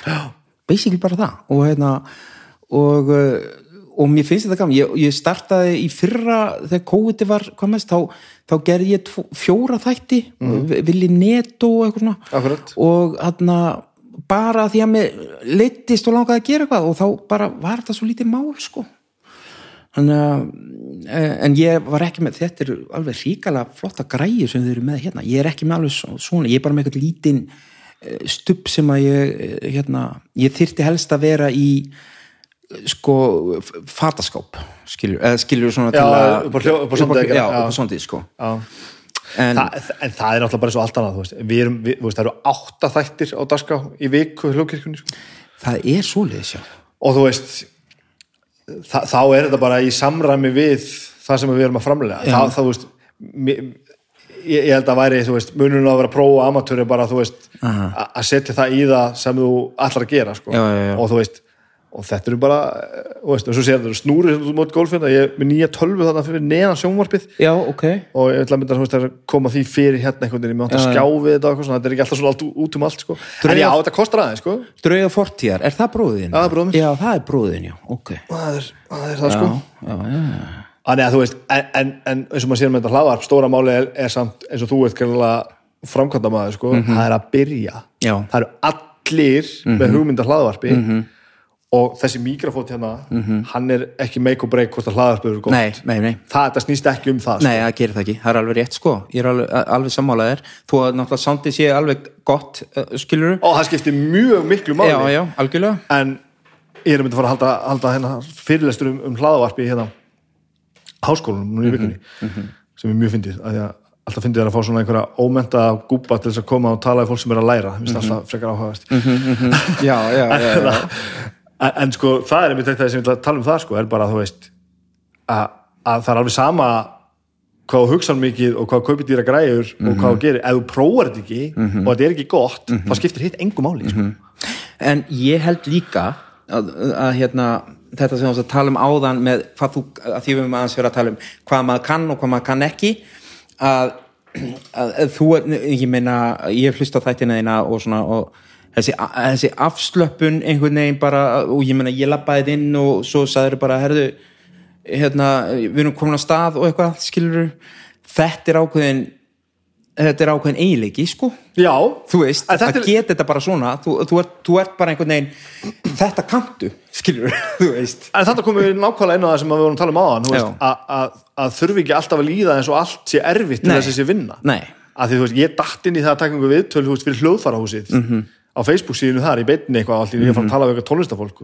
Og ég fatt að bara, ég ger þetta alla daga sko. Já, veist, ég, ég, mér finnst að skemmtilega sem ég ger er að tala við skemmtilegt fólk um eitthvað sem það var að gera. Einmitt. Og ég þarf ekki að feika neitt sko. nei, og bara prófum að vera með hana fokking þátt sko. já, og, og, ég, og ég komst alltaf að því að þetta sem við erum að gera hérna, mér finnst þetta í alvörunni svona gaman. Já, og ég held að það sé þess vegna sem þetta verður svona gott. Já, það er það sko, af því að þú ert ekki með, og ég meina, ég get staðfest það hér með, þú ert ekki með blöð fyrir framaði með einhverjum tilbúinu spurningum, heldur bara að þetta bara kemur, skilur það, sko. þetta er ekki allir sem geta þetta, sko, það er bara það en, en að samanskapi síni í svona virðingu ég, ég, ég, ég kem ekki alveg kaldur inn, Nei, sko. algjörlega, en ég meina ef þú væri hérna bara í, í þessari stellingu að svara í einsatkvæðisorðum Já. þá gæti ég bjarga mér að ég veit nóg og ég er búin að, ég er búin að kynna mér hlutina líka já, sko. já, já, já, En, en það er ekki hjartað í þessu. Mér Nei. finnst þetta í alveg svona gaman en málið er alltaf eins og þú ert að segja sko, þetta, þú bara ákvæmst að prófa þetta. Já og þú ert bara með einhvern mikrofón Já, og þú ert búin að því. Já, það er bara þannig það er bara þannig maður, og það er náttúrulega bara, já, maður þarf að, að, að prófa þetta og einhvern veginn láta vaða. Og ég held að það sé eitthvað sem ég er að læra líka með aldrinum að maður verður að einhvern veginn prófa, svolítið þannig þetta er allt, sko þú veist, svo er náttúrulega svo mikið í gangi með alls konar uh, creative writing creative bla bla bla, alls konar námskeið og dót, sko. Og hvernig maður á að gera þetta hvernig þú átt að skrifa, hvernig þú átt að bla bla bla. Það er eins og þessi seria ég, skri, ég bara, og það var það sem að Bald- Baldvin fannst eh, gaman með vekkferð, var að hún var augljóslega skrifið af manni sem var ekki búin að vera mikið að skrifa fyrir sjónvarp, skilur hann sagði bara, herru, þarna var bara þú veist, það voru bara senur sem voru, sko, voru, ég var ekki að fara eftir eh, af því að það er náttúrulega komin ákveðin eh, regla svona átt að skrifa seríu fyrir sjónvarp. Og ég bara settist niður og byrjaði að skrifa seríu fyrir sjónvarp og var ekki með neina og ég fór ekkert á netið og var eitthvað the perfect uh, hérna, uppbygging og eitthvað svona. Ég bara settist niður og skrifaði og hann sagði að þetta var svo gaman að fá þetta því að maður var svona hvað er þetta, skilur og en uh, um leið, ég prófaði bara. Ég bara fór þetta og ég, hérna, og hann hefur sagt um mig, hann sagði að ég hóta á hann því að ég sé að fara að gera meira að hann sagði ekki fara að hérna, ekki fara að breyt, ekki fara að fara inn í hérna, struktúrin haldu bara, verður bara gerðu bara eins og þú ert að gera þetta bara. Og, og ég meina marga senur allt og langar, skilur allt og mikil texti stundum. Og, og svo hef ég náttúrulega gaman að ég kom með eitthvað surprise, það er fullt af surprise sem er bara eitthvað svona, sem kemur í hausinu á mig, að þetta var nú gaman að hafa. Og hann, ég fekk að halda sumu en sumt þurft hann að sleppa að því bara, það var ekki peningu fyrir því sko. Hérna en maður prófaði, maður bara ég gerði þetta bara og Já. það er, að, það er náttúrulega besta það er best sko, eins og þú segir þetta skilur. alltaf að sko. Já. við erum öll með hugmyndir um allan fjandan sko. ekki bara við kreatífa fólki heldur bara allir, Mhm. allir, sko. já, og þetta er alltaf þetta og, og, og það að gera hlutina Mhm. það er drullu erfitt sko. fyrsti þátturinn hérna hann var bara ógeðslega erfið sko. Mhm. og aðdraðandinn var bara ég vissi ekki hvernig þetta yrði Nei. ég vissi ekki eins og hvernig þátturinn yrði og þú ert bara með veist, aukt vördskjál fyrir fram að veist, Celtex eða hvað það skrifi og bara skrifa Já. Þú veist, og þetta er ekki djók sko. nei, nei, nei, og það, þarna skilur bara að Já. það þarf að fokkin gera þetta það þarf að fokkin gera það það er nefnilega málið sko og svo stendur á klósettinu í vinninu minni upp á innrammað upp á vegg. Já. get shit done. Já, og það er bara það, það er bottom lineið sko, það er bara bottom lineið. Hérna, og, og og mikið oft sem að ég, maður heyrir, heyrir þetta og svona maður bara, já, einmitt, já, já, gera þetta bara. Maður gerir þetta bara, já, já, einmitt, einmitt, einmitt, einmitt, einmitt. En það er hægar satt en gert en, en það er, það er þröskuldurinn, sko. Það er þróskundurinn, já. Og auðvitað, og partur að því náttúrulega, að fara yfir hennar þröskuld er væntanlega að þú hefur áhyggjur af því að þetta sé eh, drastl en e- þegar að uh, þú hættir að hafa áhyggjur af því kannski er þetta bara drastl og ég, eins og þegar ég var að skrifa séri ég var ekkit eitthvað, ég ætla að gera eitthvað göggja stöff hérna, ég var bara eitthvað að hafa gaman að þessu skilur og, og, og allar áhyggjur um að, þarna, að þetta sé ekki um, hérna, masterpiece, heldur bara eitthvað sem þú ert að læra af og hafa gaman af uh, þá er auðvöldar að fara yfir hann þröskuld sko. myndi ég halda. Ég held það líka. Já.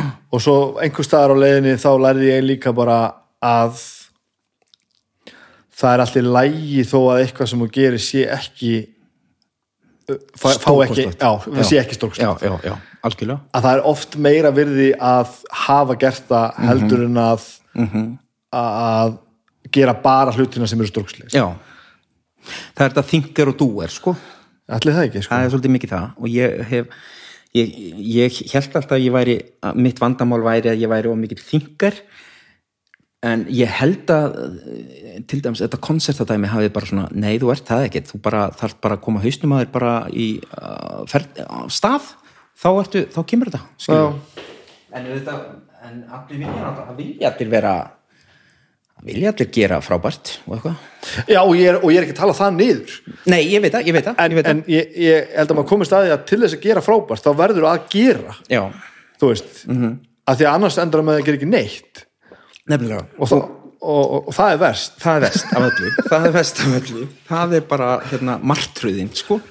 Spólum okkur aðeins hérna og veist, leiklistaskólin já, þú ert alveg að hana blómatíma leiklistaskólan þegar, að- Já. þegar hann er alveg ósnertanlegur og allir eru allsbyrri í öllum tímum og allt þetta já, já. já, svona svo, svo, svo, já, aðeins já. Ég fekk sem sagt ég fekk, eh, þetta var svo glæsilegt að þarna, ég var í leiklistaskóla Íslands allan tíman eh, eh, þrjú ár og svo var, var þetta þegar ég var þá var nefndaleikús já, á fjórða ári sem var bara algjör sko, snilt sko en við, ég var bara semst í leiklistaskóla sem var bara svona á sínum forsendum með sína reglur og allt það á loka árunum mínu þegar ég er nefndaleikusunni breytist hann í listaháskóla Já. og ég fyrir bara prógra bara ég er með BFA í leiklist.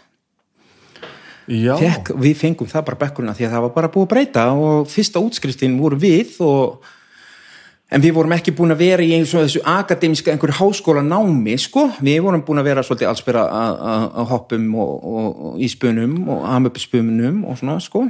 Er það það sem breytist þarna? Já, hann verður meira akademísku skóli þegar hann fer í listan já, já, já, hvað ég hef ekki hugmynd um þetta. Nei, jú, það, hann, hann er, þá, þá fyrir hann að sko ég, ég, ég viðkynna alveg að það hefði alveg maður hefði alveg til í að alveg verið til í að hafa fengið aðeins meira af, af eh, háskóla háskóla gæðum af því að uh, leiklistaskólinn hann var svo áður en hann var háskóli, þetta var rosa mikið happ og glappa hvaða kennara þú fegst. Uh, það var ekki alveg, jú það voru fast, fast það voru svona fasti liðir eins og Shakespeare og Grikkir og eitthvað svona og eru ennþá held ég en, en eftir þetta var háskóli náttúrulega, þá, bara, þá þurfti að búa til bara, ákveðna- námskrá já, bara. Já, já.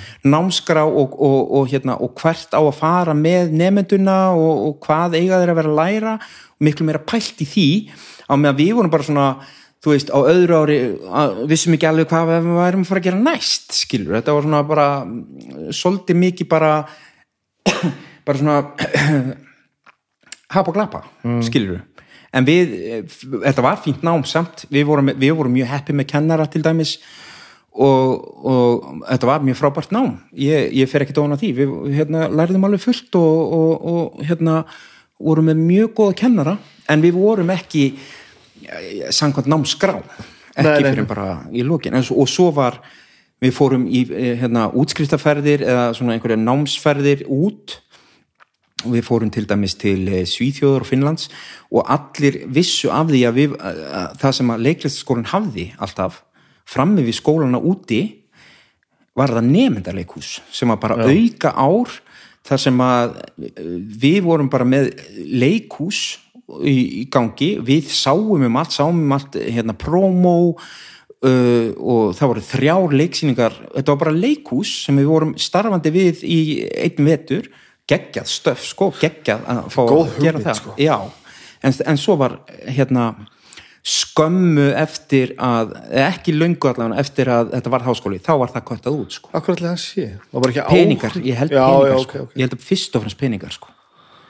af því að það lærði maður þar lærði maður mjög mikið sko. þá ertu bara, það eru þrjú verkefni við erum búin að finna þrjá leikstjóra þeir eru að fara að vinna með ykkur og þið þurfa að finna út hvernig ætla að pjera þetta og svona og smíða leikmynd og allt sko. Svo var það líka bara svo fyrir alla sem að hafa einhvern áhuga á leiklist sko.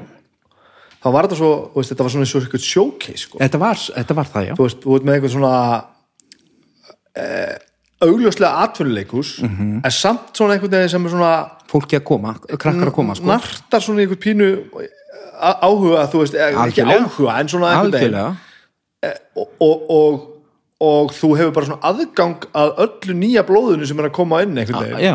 sem náttúrulega svo smíti náttúrulega undir þetta ógeðslega snopp sem þessi skóli hafi Svolítið, bara, já, já. bara ef þú lærir ekki í þessum skóla þá varst ekki leikari já, já, það var svolítið þannig, Nei, alveg vissulega sko. ég læri hann undir í New York bara, já, getur það engin var- leikið í New York nei. það er engin, ég maður getur neinum góðum leikar á Nei. New York það var að alveg svoleiðis það hjálpaði ekki til það sko. hefur breyst mjög mikið sko, Sem en- betur Já, fucking fer, sko. fullt af liði sem er að koma að leika og læriðu annar staðar sem er bara frábært og gott en þetta var alveg svolítið þannig, það var svona stimpill sko. kannski hjálpaði þetta ekki því Nei, það gerði ekki, nei, nefndarleikur, nei, nei, það gerði ekki sko.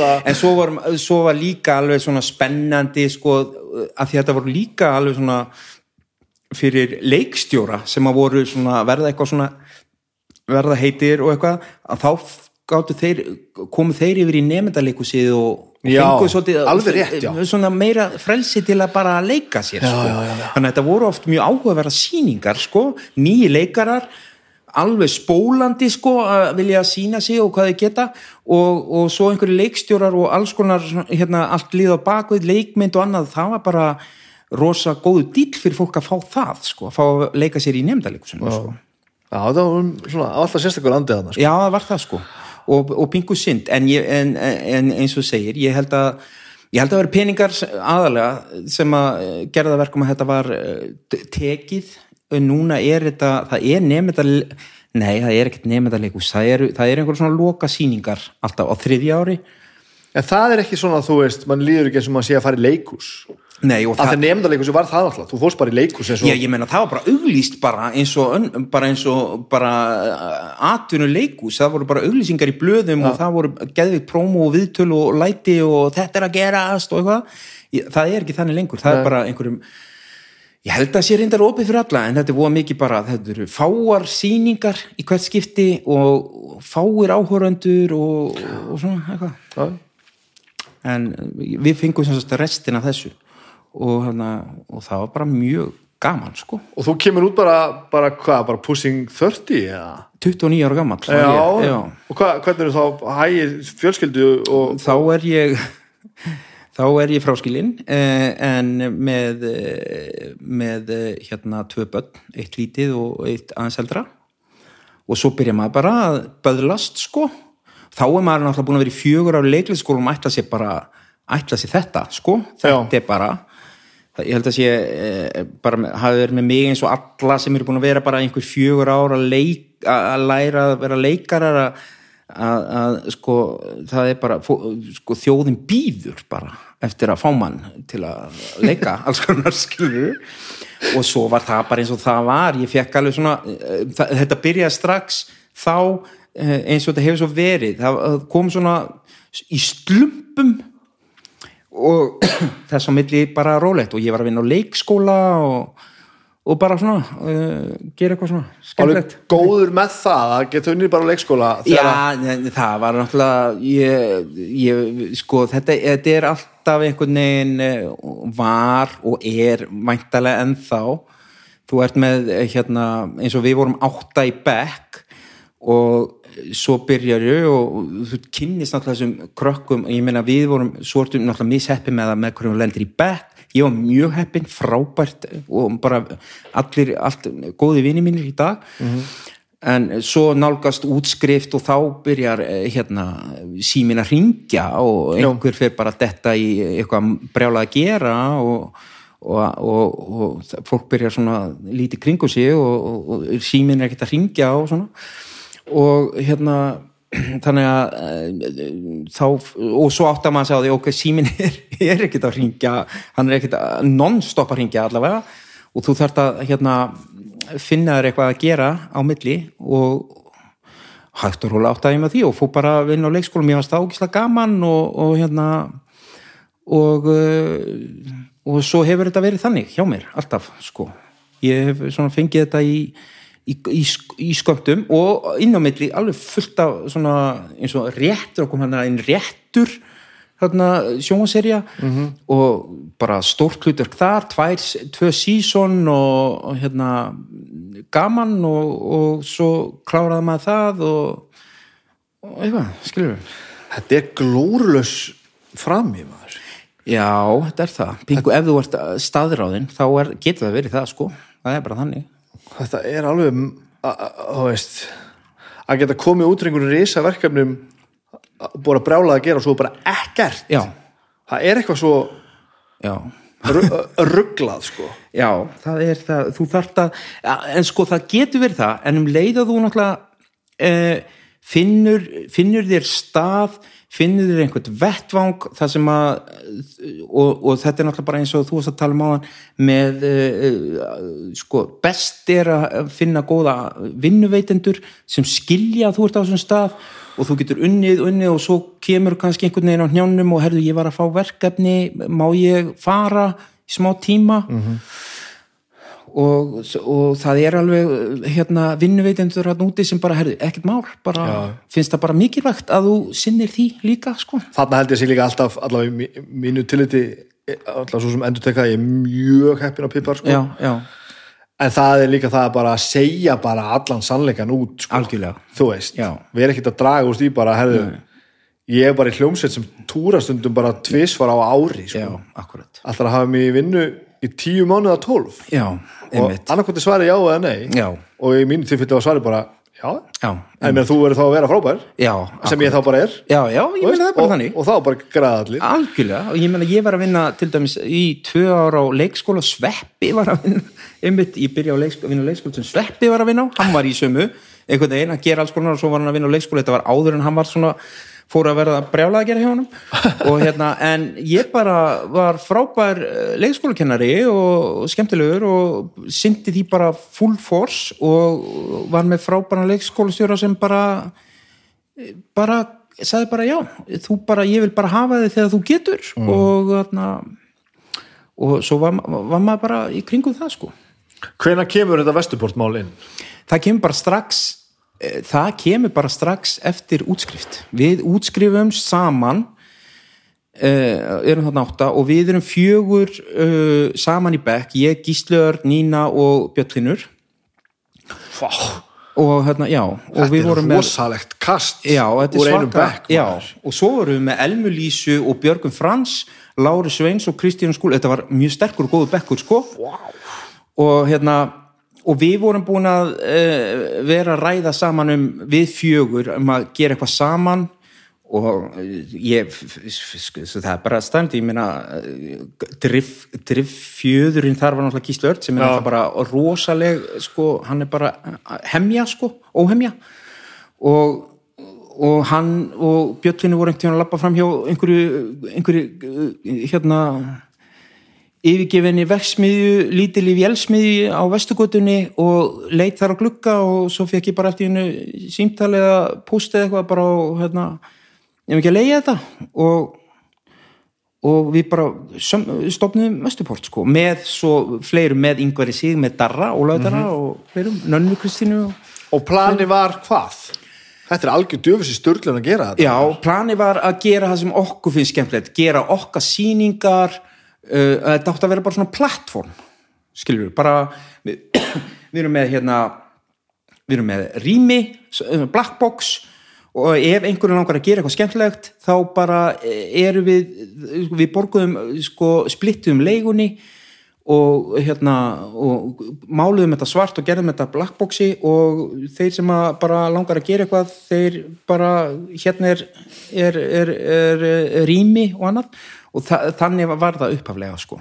og hvað er fyrst gert? Er... fyrst gert, ég náttúrulega útskrifast og símin er ekki að ringja og ég, hérna, ég ákvað að nýta mér þetta og finn verkefni sem heitir Disco Pigs sem er eh, hérna, leikrit með tveimur leikurum frábært leikrit sko og hérna tala við Nönnu Kristínu sem var með mér í Vestporti og byrð hann um að, að hérna hvort hún sé til að leika á móti mér í því og við fáum Egil Heiðar sem var þá uh, að læra leikstjórn út í Danmarku til að leikstýra okkur. Og við sem sagt við gerðum opnunarsýninguna fyrir Vesturport í þessu rými, þarna á já og bara geggjað geggjað stöf sko. Og gekk bara vel. Og svo voru svo bara e, þróast þetta e, það voru önnur, önnur félög sem vantaði rými að byggjum að fá að koma og e, og svo var hann hérna Agnar Jón var með okkur í Vesturporti og hann var með sýningu eftir sjálfan sig og en svo þróast þetta út í eh, sko eh, eiginlega breyttist Vesturport mjög mikið með eh, Rómo og Já. leiksýningunni og það er náttúrulega rosa mikið hérna, gísli sem að keiri það áfram En hvað breyttist þá? það breyttist að því leitinu að þá erum við sko uh, hann kynir þessa hugmynd hann er sjálfur uh, sam, komin á samning hjá borgarleikusinu kemur með þessa hugmynd til Gíó sem þá var leikustjóri og hérna um að gera þessa sýningu, svona fimmleika eh, skotna Rómaðu Júliu sýningu og hérna og Gíó segir já gefur okkur hérna litla sviðið og þetta átti að vera bara örfá sýningar og eitthvað, nema að þetta verður svona hefna svona rosalega vel það, og það, það er það sem breytist er að fljótlega eftir það er við bara þessi, þessi vestugutu pæling er bara farin og Já, það bara, fór og við, bara þannig. Já. já, og þá erum við bara komin upp í borgarleikus sko. Ég maður þegar ég sá þá sýningu sko. Já, Ó, hvað ég er að fara að segja eitthvað sem á þetta Hvernig ætla ég að koma þessu frá mér? Þetta var í fyrsta skipti sem að ég sá sjálfstæðan leikhóp Mhm. sem er leið eins og hef, hann hefði ekki verið stopnaður Mhm. vegna þess að leikarnir komust ekki inn í stórleikus já, já, já, já.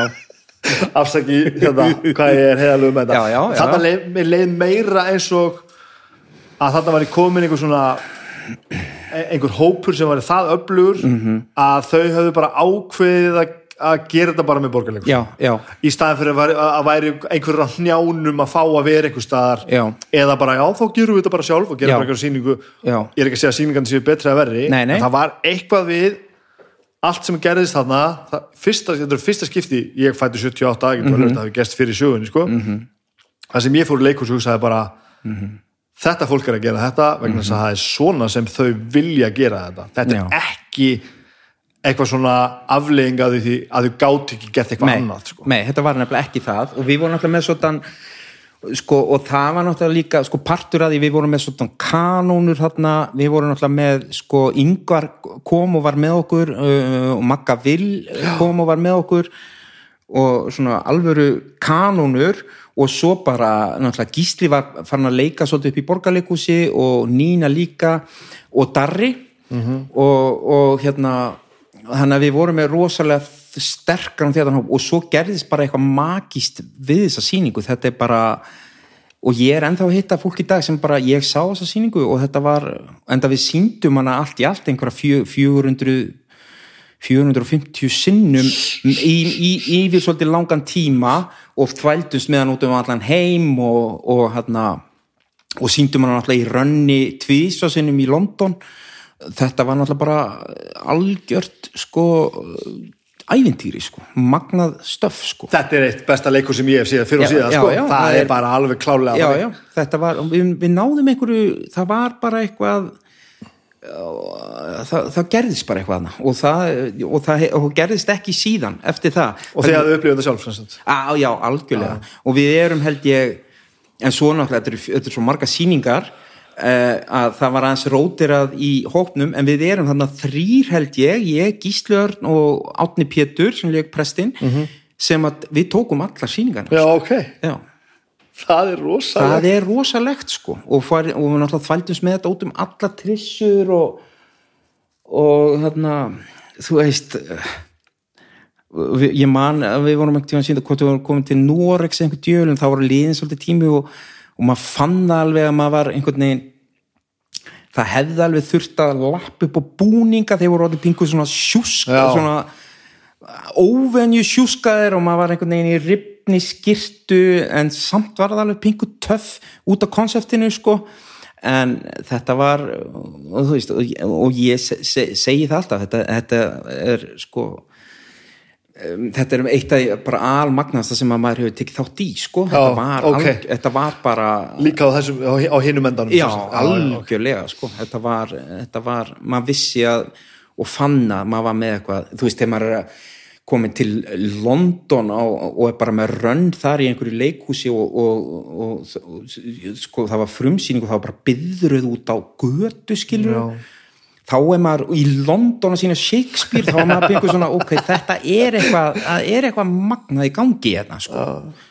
Þannig að þetta var svona kannski nála til að verða eins og þið á tónleikum hérna þitt, eh, þín hljómsveit sem að þvælist um allan heim. Ég menn þetta var, þetta var alveg svona tannig fílingur, það var bara svona það var pingu rock tónleika eh, stemming í gangi stundum, skilur já, líka á sýningunni. Maður var náttúrulega bara, maður náttúrulega bara löðrungaður stundum já, já, já, þetta var, þetta var ekki bara svona eitthvað observation heldur, maður var bara maður var bara rifin inn í þetta Já, og bara, það kom bara hlutir sem var bara hvað í helvítinu gerðist? Já, maður? já, já. og það var bara svo magnificent. Já, já. En ég man fyrst og fremst þessa tilfinningu bara, herriðu, hér er bara fólk Mhm. að gera eitthvað eitt og sjálft af því að það heldur bara að það hafi eitthvað fram að færa sem er ekki annar staðar já, og það var bara já, já.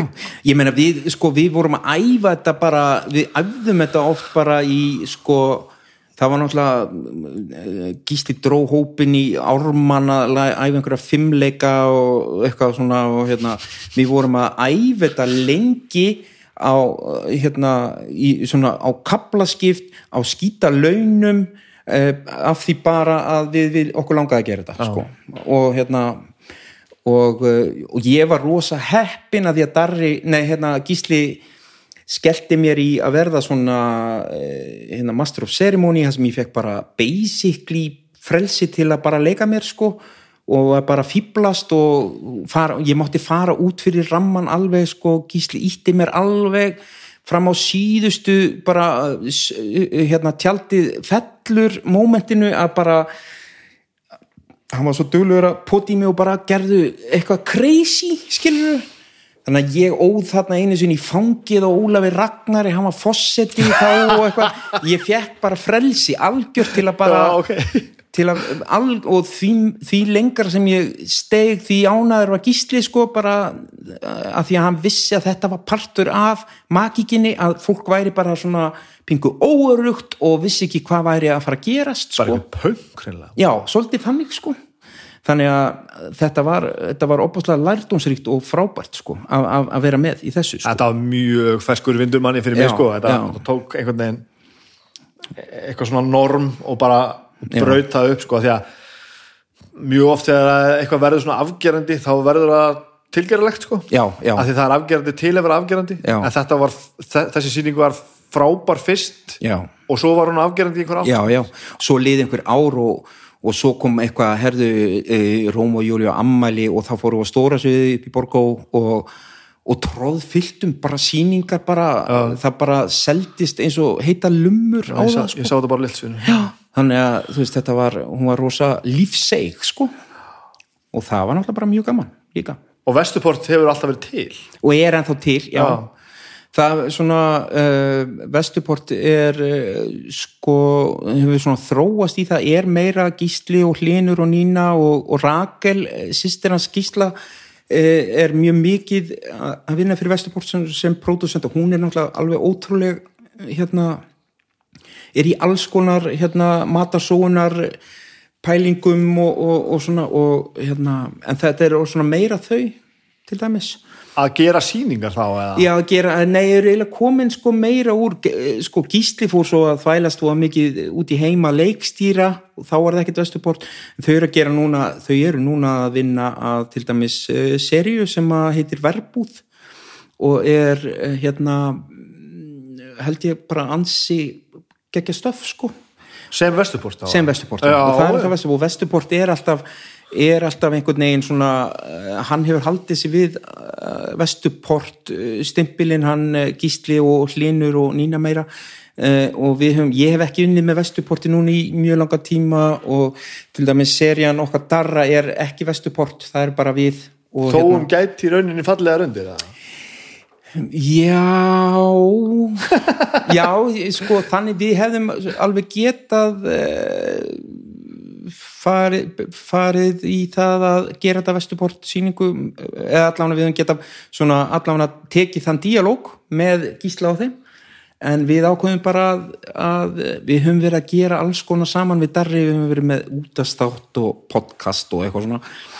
Og við höfum oft ok, okkur hefur mjög oft bara fundist gott að vera bara tveir og við ákveðum það bara mjög uh, svona mjög, uh, við vorum bara ákveðin í því að, að ge- gera okkar þannig að það væri ekki vestuport sko og það er bara svolítið huglægt í rauninni eða hvað? Já, já sko, nei, það er ekki huglægt því að ég, ég, sko að ég veit að til dæmis eins og þessi seria sem að þau eru að gera núna verbu, þetta er, er, er, er rísa seria og með bara kostar alveg svakalega mikið pening og þau sóttum styrki bara og eru með fjármögnu þetta og þetta er bara fleiri hundru miljóna dæmi að, að þetta er sko vestuport er alveg bara svona orðinalegu svolítið stopnun þannig Já, sko, ok, þetta ok. er bara þetta er eitthvað sem fólk veit af út í heimi er þetta vestuport eða ekki skilur þannig að þetta er ekki alveg huglegt, þetta er meira ba- bara, þetta er orðið bara svona, business. business já, sko. það er bara svoleiði sko en ég svona um, ég veit ekki, ég verði náttúrulega alltaf í vestuporti og er vestuportari en, en svo bara eh, svo, svo liggja leiðir svo mismunandi og, og hérna allir er að gera alls konar og, og svo er það ekki vestuport og, og svo framvegis, það, það, er, það er eitthvað neginn ekkit endilega um, þetta er ekki einhver svona þú veist uh, þetta er ekki eitthvað svona uh, issue þannig sko og, og kannski líka samt þetta er bara svona uh, einhvern veginn ákvörðun, skilur við Þetta, þetta var hérna þetta var svona það var svona alvöru fengjandi hópur svolítið. Já, já, eins og myndindar hana, hvað þetta var? Já, börn og já. já, já. þá er þess bara mjög svona þungar bíómyndir.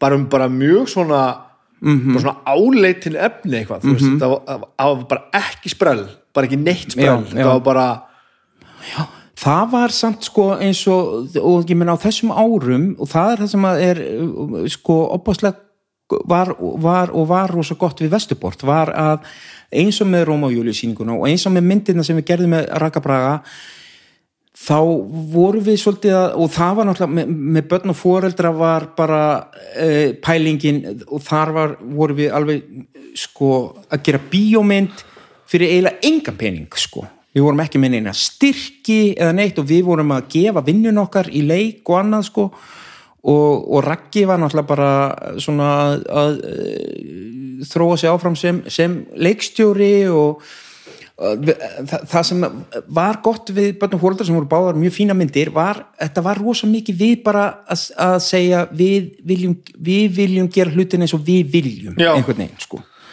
og, og við hérna Uh, og auðvitað var það þannig þegar við útskrifumst og ég held að sé mjög margi sem útskrifast að þeir hérna, það er oft leikarar hérna svona eldri leikarar tala um að, að já, nú er árið 0 það sé árið 0 hjá útsk, nýjútskrifum sko, af því að nú fyrst sé hlutir að fara að gerast sko, núna er allt og maður fara að heyra þetta svona frá eldri og reyndari leikurum og leikurum, já, er árið 0 núna, já, ég veit, skilur og, hérna, og árið var rosa mikið 0 hjá okkur sko, við vorum alveg bara svona, já, við ætlum að sko breyta hlutum og, og við gerðum það alveg Já, þið gerðuð það alveg. Já, og, og það er svona og það er svona bara svolítið til að vera stoltur af. En til mínu eins og Róm og Júlia og okkur alveg bent á það sem að við, við vorum ekkert eitthvað að gefa hana í skinn en, en það að við værum ekkert fyrsti leikópurinn sem að væri að þvælast út um heim að sína síningar, það voru hérna einhver einhverja aðra síningar sem þau farið og, og svona. Og við vorum ekkert eitthvað að, að, að, að halda öðru fram sko, við bara en við, við, við vildum svolítið gera hlutin eins og við vildum og, og hérna og fórum heldur langt á því sko. Og Gísli náttúrulega er rosalegur það er rosa kraftur í þeim manni. Hann er, hann er og, og hlinu líka. Og þetta er svona þeir eru, þeir eru kanónur sko. Mm -hmm. svona og svona kraftur í þeim sko. En vilja gera hlutina svolítið eins og þeir þeim finnst að ég að vera og það er bara, það er bara frábært sko. Já. algjörlega. Þetta er samt einhver svona eitthvað sem raðar saman þarna. Að allt þetta fólk komi heim og saman í einum hópi sko. Já, já. og þetta er náttúrulega bæ, bæ, bætir fólk svo hvert annað upp sko, eða ekki að segja það, Já, líka það en, en þetta er ekki þetta er ekki smá safna fólki. Nei, nei, þetta, þetta er alveg opbáslega opbáslega svona þéttur og, og, og svona og náttúruleg og svo, og svo er það náttúrulega það. Við erum þarna fjögur sem útskrifum saman svo þarna Darri og, og fleiri og svo fleiri sem, aðri sem eru útskrifað fyrir lengra, lengra síðan. Það er ekkert sjálf gefið að við séum að, að hérna, spila sama lag skilur við, þetta gæti verið klúður en við náðum bara einhvern veginn að þarna að e, stilla strengina þannig að, að við vorum bara í sama liði og, og hérna og vorum að stefna sama hlut sko. Og það er ekkert sjálfgefið en, en þetta var, eins og segi, þetta var og er og Vesturport hefur alltaf verið svona magnað stöf sko. Já, það er bara svolítið þetta á sko, þetta var svona þetta var einhver sprengja sem að maður hafði ekki séð áður sko. Nei, Þetta- einmitt. Og kannski alltaf sé að gerast líka þegar skólinn er að breytast þarna að þú veist Já, það- alveg mögulega sko, það er svona ákveðnar svona þreyfingar í gangi og svona uh, umhverfið að breytast stórleikur svona ekki alveg jafn heilög kannski Nei, nei. Þið, það voru samt eiginlega þið sem að sprengdu það Já, mögulega, alveg mögulega sko. Við hérna, og, og, og svo var, nú, var þetta nú þannig að á þeim tíma sem að ég var að vinna, vinna hvað mest með Vesturporti, ég basically sko ég basically allt svona le, leikhús tengt hjá mér eh, hefur verið tengt Vesturporti sko. Já, ok. Og hérna og ég, ég hef leikið eitthvað aðeins utan Vesturborgs í leikhúsi en hérna en, en, en hérna mest uh, í, uh, fyrir Vesturport og, og gerði, en ég hef sko svo, fyrir nokkrum árum það var um það leiti sem að ég flýtt vestur 2013 þá ég fekk svona pingu bara nóg af leikhúsi að, að vinna í leikhúsi. Og ég hef ekkert unni í leikhúsi núna bara í 7-8 ár sko. Já, og, og saknaði þess ekkert brjálaðslega mikið að vinna í leikúsi ég hef samt alveg ég held að ég hefði hefði gaman og gott að ég að fara í leikúsið aftur uh, en ég fekk bara ákvað að taka pásu og það hefur bara verið mjög fín pása sko. og hvað, ve- ve- veistu eitthvað hvað það var? Æ, sko, það, það var alltaf pingu, mér fannst þetta uh, mér fannst þetta st- svolítið, ég náttúrulega er krónísku kvíðasjúklingur það er ágætt að koma því á framfæri og hérna og þetta er kvíða, þetta er svolítið kvíða svona uh, eflandi uh, starfsvettangur þetta er það og, og mér fannst alltaf svolítið erfitt að uh, leika á sviði, mér fannst að ég var með skrekk og, og var bara svona þú veist. Og, og svo þetta, var þetta ekki mjög fjölskyldi vænt heldur, þetta er náttúrulega mjög svona eh, slítandi vinnu tímalega séð og annað og svo flytt ég vestur.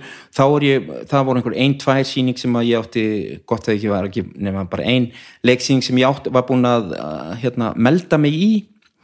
Og, og, og hætti bara við hana til að fara vestur og uh, svo náttúrulega fer maður vestur þá er ég bara eitthvað leikstýra og svona og, og svo hef ég komið suður og ég hef ekki, það er ekki heldur svo sem eins og leikhúsin sé eitthvað að, grenja í mér að koma. En hérna en ég fengi eh, svona eitt og eitt tilbúð í leikhús og ég hef svona einhvern veginn svona af, af, afbúða mig þar sko mér finnst, ég er á þeim stað að mér finnst svo gaman að leika fyrir kameru sko og hví- kvíðin lætur því friðið þar? algjörlega sko. Það er ég- áhugavert. já, þar er ég alveg bara eins og eins og þú við þennan mikrofón sko. það er bara, þar er ég bara í elementinu mínu og mér finnst það alveg sjúk mér finnst bara svo gaman að leika fyrir kameru og alveg skiptir engu máli hvort það sé bíó eða sjónvarp sko.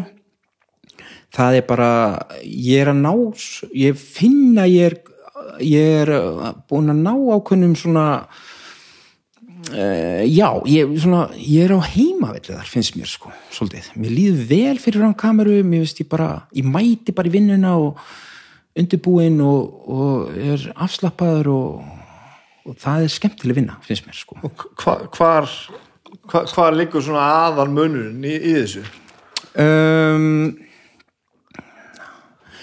það er náttúrulega sko þetta er náttúrulega mm, þetta er náttúrulega mjög ólíkt og leikhúsið er náttúrulega svo mikið moment þetta er bara momentið og og, og hérna og líklega kannski uh, hef ég, var ég klást við við, ég var okkur klást við þetta að, að vera svona í þessum momentsleik þar sem að allt er bara einhvern veginn stendur og fellur uh, með, með hvernig þú ert að standa þig og svona. Og hérna, en uh, meðan að, að þú kemur í, ég veit ekki alveg hvað það er en þú kemur á sett í, í, í fyrir sjónvarpið bíó þá er bara einhvern veginn það er bara umhverfið á betur við mig sko. ég er svona einhvern veginn bara mér finnst þetta eh, gaman og mér finnst svona mér finnst gaman, meiri sé að mér finnst voru gaman að vinna með þú veist það er náttúrulega alltaf byrjað á því að skjóta eh, víðara og svo komið nær og, og svo komið í close-up og svona og maður er farin að svona læra á að vinna eh, vinna mismunandi eftir hvar kameran er og svona, mér finnst það bara Það er bara svona tæk, tæknilegur já, ég er alveg, alveg dottin þar og mér finnst það gaman sko fyrir utan að, og ég held að fylgið líka, ég er alltaf að fá meiri meiri áhuga á því hvernig saga er sögð með kameru, skilur Hva, hvað, hvað eru áherslunar og hvað er skotið og hvað ekki sko. Það er, það- sko, það er einhvern veginn alltaf þannig með leikhúsi, sko. Það er alltaf og ég ætti stundum fyrir töðdrámi, sko. Mm. Það er alltaf tilbúningur, sko. já, Manni getur aldrei liðið alveg eins og maður sé að sjá eitthvað alvöru. mæ, Að þú ert alltaf með leikmynd og fólk er eiginlega alltaf í einhverjum búningum og það er búið að mála það í framann, já, já, veit, já, já en þegar sjónvarp verður best mm -hmm. ok, best þetta er náttúrulega ekki hægt að segja þetta en allavega einn tegund af því það er þegar þú bara svona eiginlega vist ekki lengur hvort þú ert að horfa á leikaða alvöru sko. það held ég það sem að heilla með þess að hún tala um sjónvarsefni aðan sko. mm -hmm. þetta horfa á sjónvarsefni sem hún bara hugsa bara þetta gæti bara verið ekta sko. Og stu, stundum með með sér búið að blörra línuna sko. þú Já. veist ekki alveg hvað var alvöru og hvað var sko. Mhm. -hmm. á meðan í leikhúsi þetta alltaf með einhvern buffer sko. já, þetta er ekki, þetta er allt feik sko. já, en að samanskapið eins og þú segir sem er náttúrulega ofbúslega heillandi við leikhúsi er þetta moment sko. já það bara ég var sko allir anda sama loftinu sko. Já, ég, ég get það, þegar ég útskrifast á leiklæðskólanum, þá var ég svo leikhús, mér fannst þetta svo geggjað sko, Já. leikhús. svo mikið list Já, og bara, og leikmynd og ljós og svona, já, svona listaverk bara einhvern veginn, að ég var alveg bara, ég, ég stóð upp hvena sem var til að, til að mæla með leikhúsinu sko, sem listformi sko, uh, svo bara breyttist það pingu sko, og hérna, uh, og ég veri bara, en mér finnst alltaf gaman ég dæmis, ég, ég get ekki beð eftir að, að hérna sjá til dæmis og ég hlakka svo til að sjá hann Björn Tórs í hérna Vertu Úlfur. Já. að því ég bara, ég veit að það er uh, svona leikhús eins og ég bara veit að, að þau gerast best sko. En svo er veit alltaf líka komin á það stað sem við talum áðan með sjónvarsefnið maður hefur ekki tolerans fyrir einhverju sem er ekki nógu gott. Nei, nei, nei, það er alveg er alltaf sko. gæða standardin er ofið svo mikill sko. bæði á heimsvísu og bara hérna heima En hvernig ert þú með, mér langar að spyrja þig, hérna, nú ert að vinna á auðlýsingastofu og svona hugmynd að vinna og svona, ertu góður að vinna svona í hóp? Já, ég held það Já, ok. Ég er mjög hérna Svona, svona, svona bánsa hugmyndum, svona, hei, og hvað er Já, þetta? ég held að það sé bara eitt, bara einn af mínum styrkleikum sko, Já, já, já. að- að henda öllu upp í loft og týna svo niður úr skíinu það sem að er gott sko, Mhm. Já, já. sama hvað það kom sko. Já, ég mjög, og einn, ég held að einn af mínu svo stærsti kostum sé það að ég er ekki mjög, þú veist, já mjög auðvelt með að drepa mín einn börn sko já, og, og hyggla börnum annara sko. bara að það komi út fundunum sem er best Já. ég þarf ekki að vera einhver kongur í því sko. Nei, nei, nei, nei, það er ekki þannig sko. Ég er nefnilega, sko, ég langar að fara, ég spyr að því að mér finnst þetta sko, ég hef alltaf litið á mig sem, ég, ég er rosa góður í, ég hef alltaf talið mig vera mjög uh, góðan í svona og í, og til dæmis ég, alveg, ég er alveg á því að ég sé nokkuð fínn í að leikstýruna því mér finnst gaman að fá hugmyndir frá, frá öðrum sem ég er að vinna með. En svo nefnilega til dæmis eins og vekkferð, ég skrif hana bara einhvern veginn svolítið út. Og svo kemur reyndar og ég skrifaði bara mjög fínt fyrsta draft, það var bara mjög bara, ég fór heldur langt á þessu fyrsta drafti. En svo fer ég, en svo náttúrulega kemur endur skrif og þar sit ég með Darra og, og, og Batta og við fórum gegnum alla seríuna og þurftum að laga og beita og bæta. Uh, en svo er ég sko að því að þetta er svo ég, ég, ég finn það og veit að í þessum sjónvaserju kultúr það er rosa mikið svona uh, teamwork af, af hérna, fólk sem er að skrifa. Já. og, ég, og þetta rætt þessi rúm já, já, alveg þar sko og ég finn að og mér langar að fara að, að prófa það sko, en ég er rosa svona mm, finnst ég þurfa að vera svolítið að vanda mig að velja einstaklingana og svona. Þú veist, að ég vil ekki vera einhvern veginn, nei, þetta er mér finnst þetta ég vera svona, einhvern veginn sko. En í góðri svoleiðis vinnu náttúrulega sko held ég að fólk tali sér alltaf niður á bestu lausnir. Já, já, algjörlega. Og, og, og þegar svo vinna, svona vinna virka best allavega að mínu viti þá er aldrei einhver sem að ræður Nei, það nei. verður ekki þannig sko. Nei, heldur, heldur fara umræðunar í einhver ákveðna átt og þessi hópur vantalega framhanskarandi einstaklinga já, já, kreistir út bestu útkoma sem gætt komu úr þeim hugmyndu sem voru komna niður sko. en þetta er alltaf verður maður aldrei sammála öll, það verður ekki þannig sko. Ég er svolítið að vera að velta þessu fyrir mig sko. Að ég er, að því ég, nú er ég komið hugmynd það er einhverja tvað þrjá hugmyndir af, af, af serjum í hausnum á mér að bánsa þar um og dansa og leika sér og hérna en uh, ég svona, ég svona er að svona velta fyrir mér að, að fara að, í staðan fyrir að fara að setjast niður og skrifa þér að, að kynna þér sem hugmyndir og fá tím inn sko. Já, bara svona áhugaverð stúdía þá sko. bjóðum við vinnu.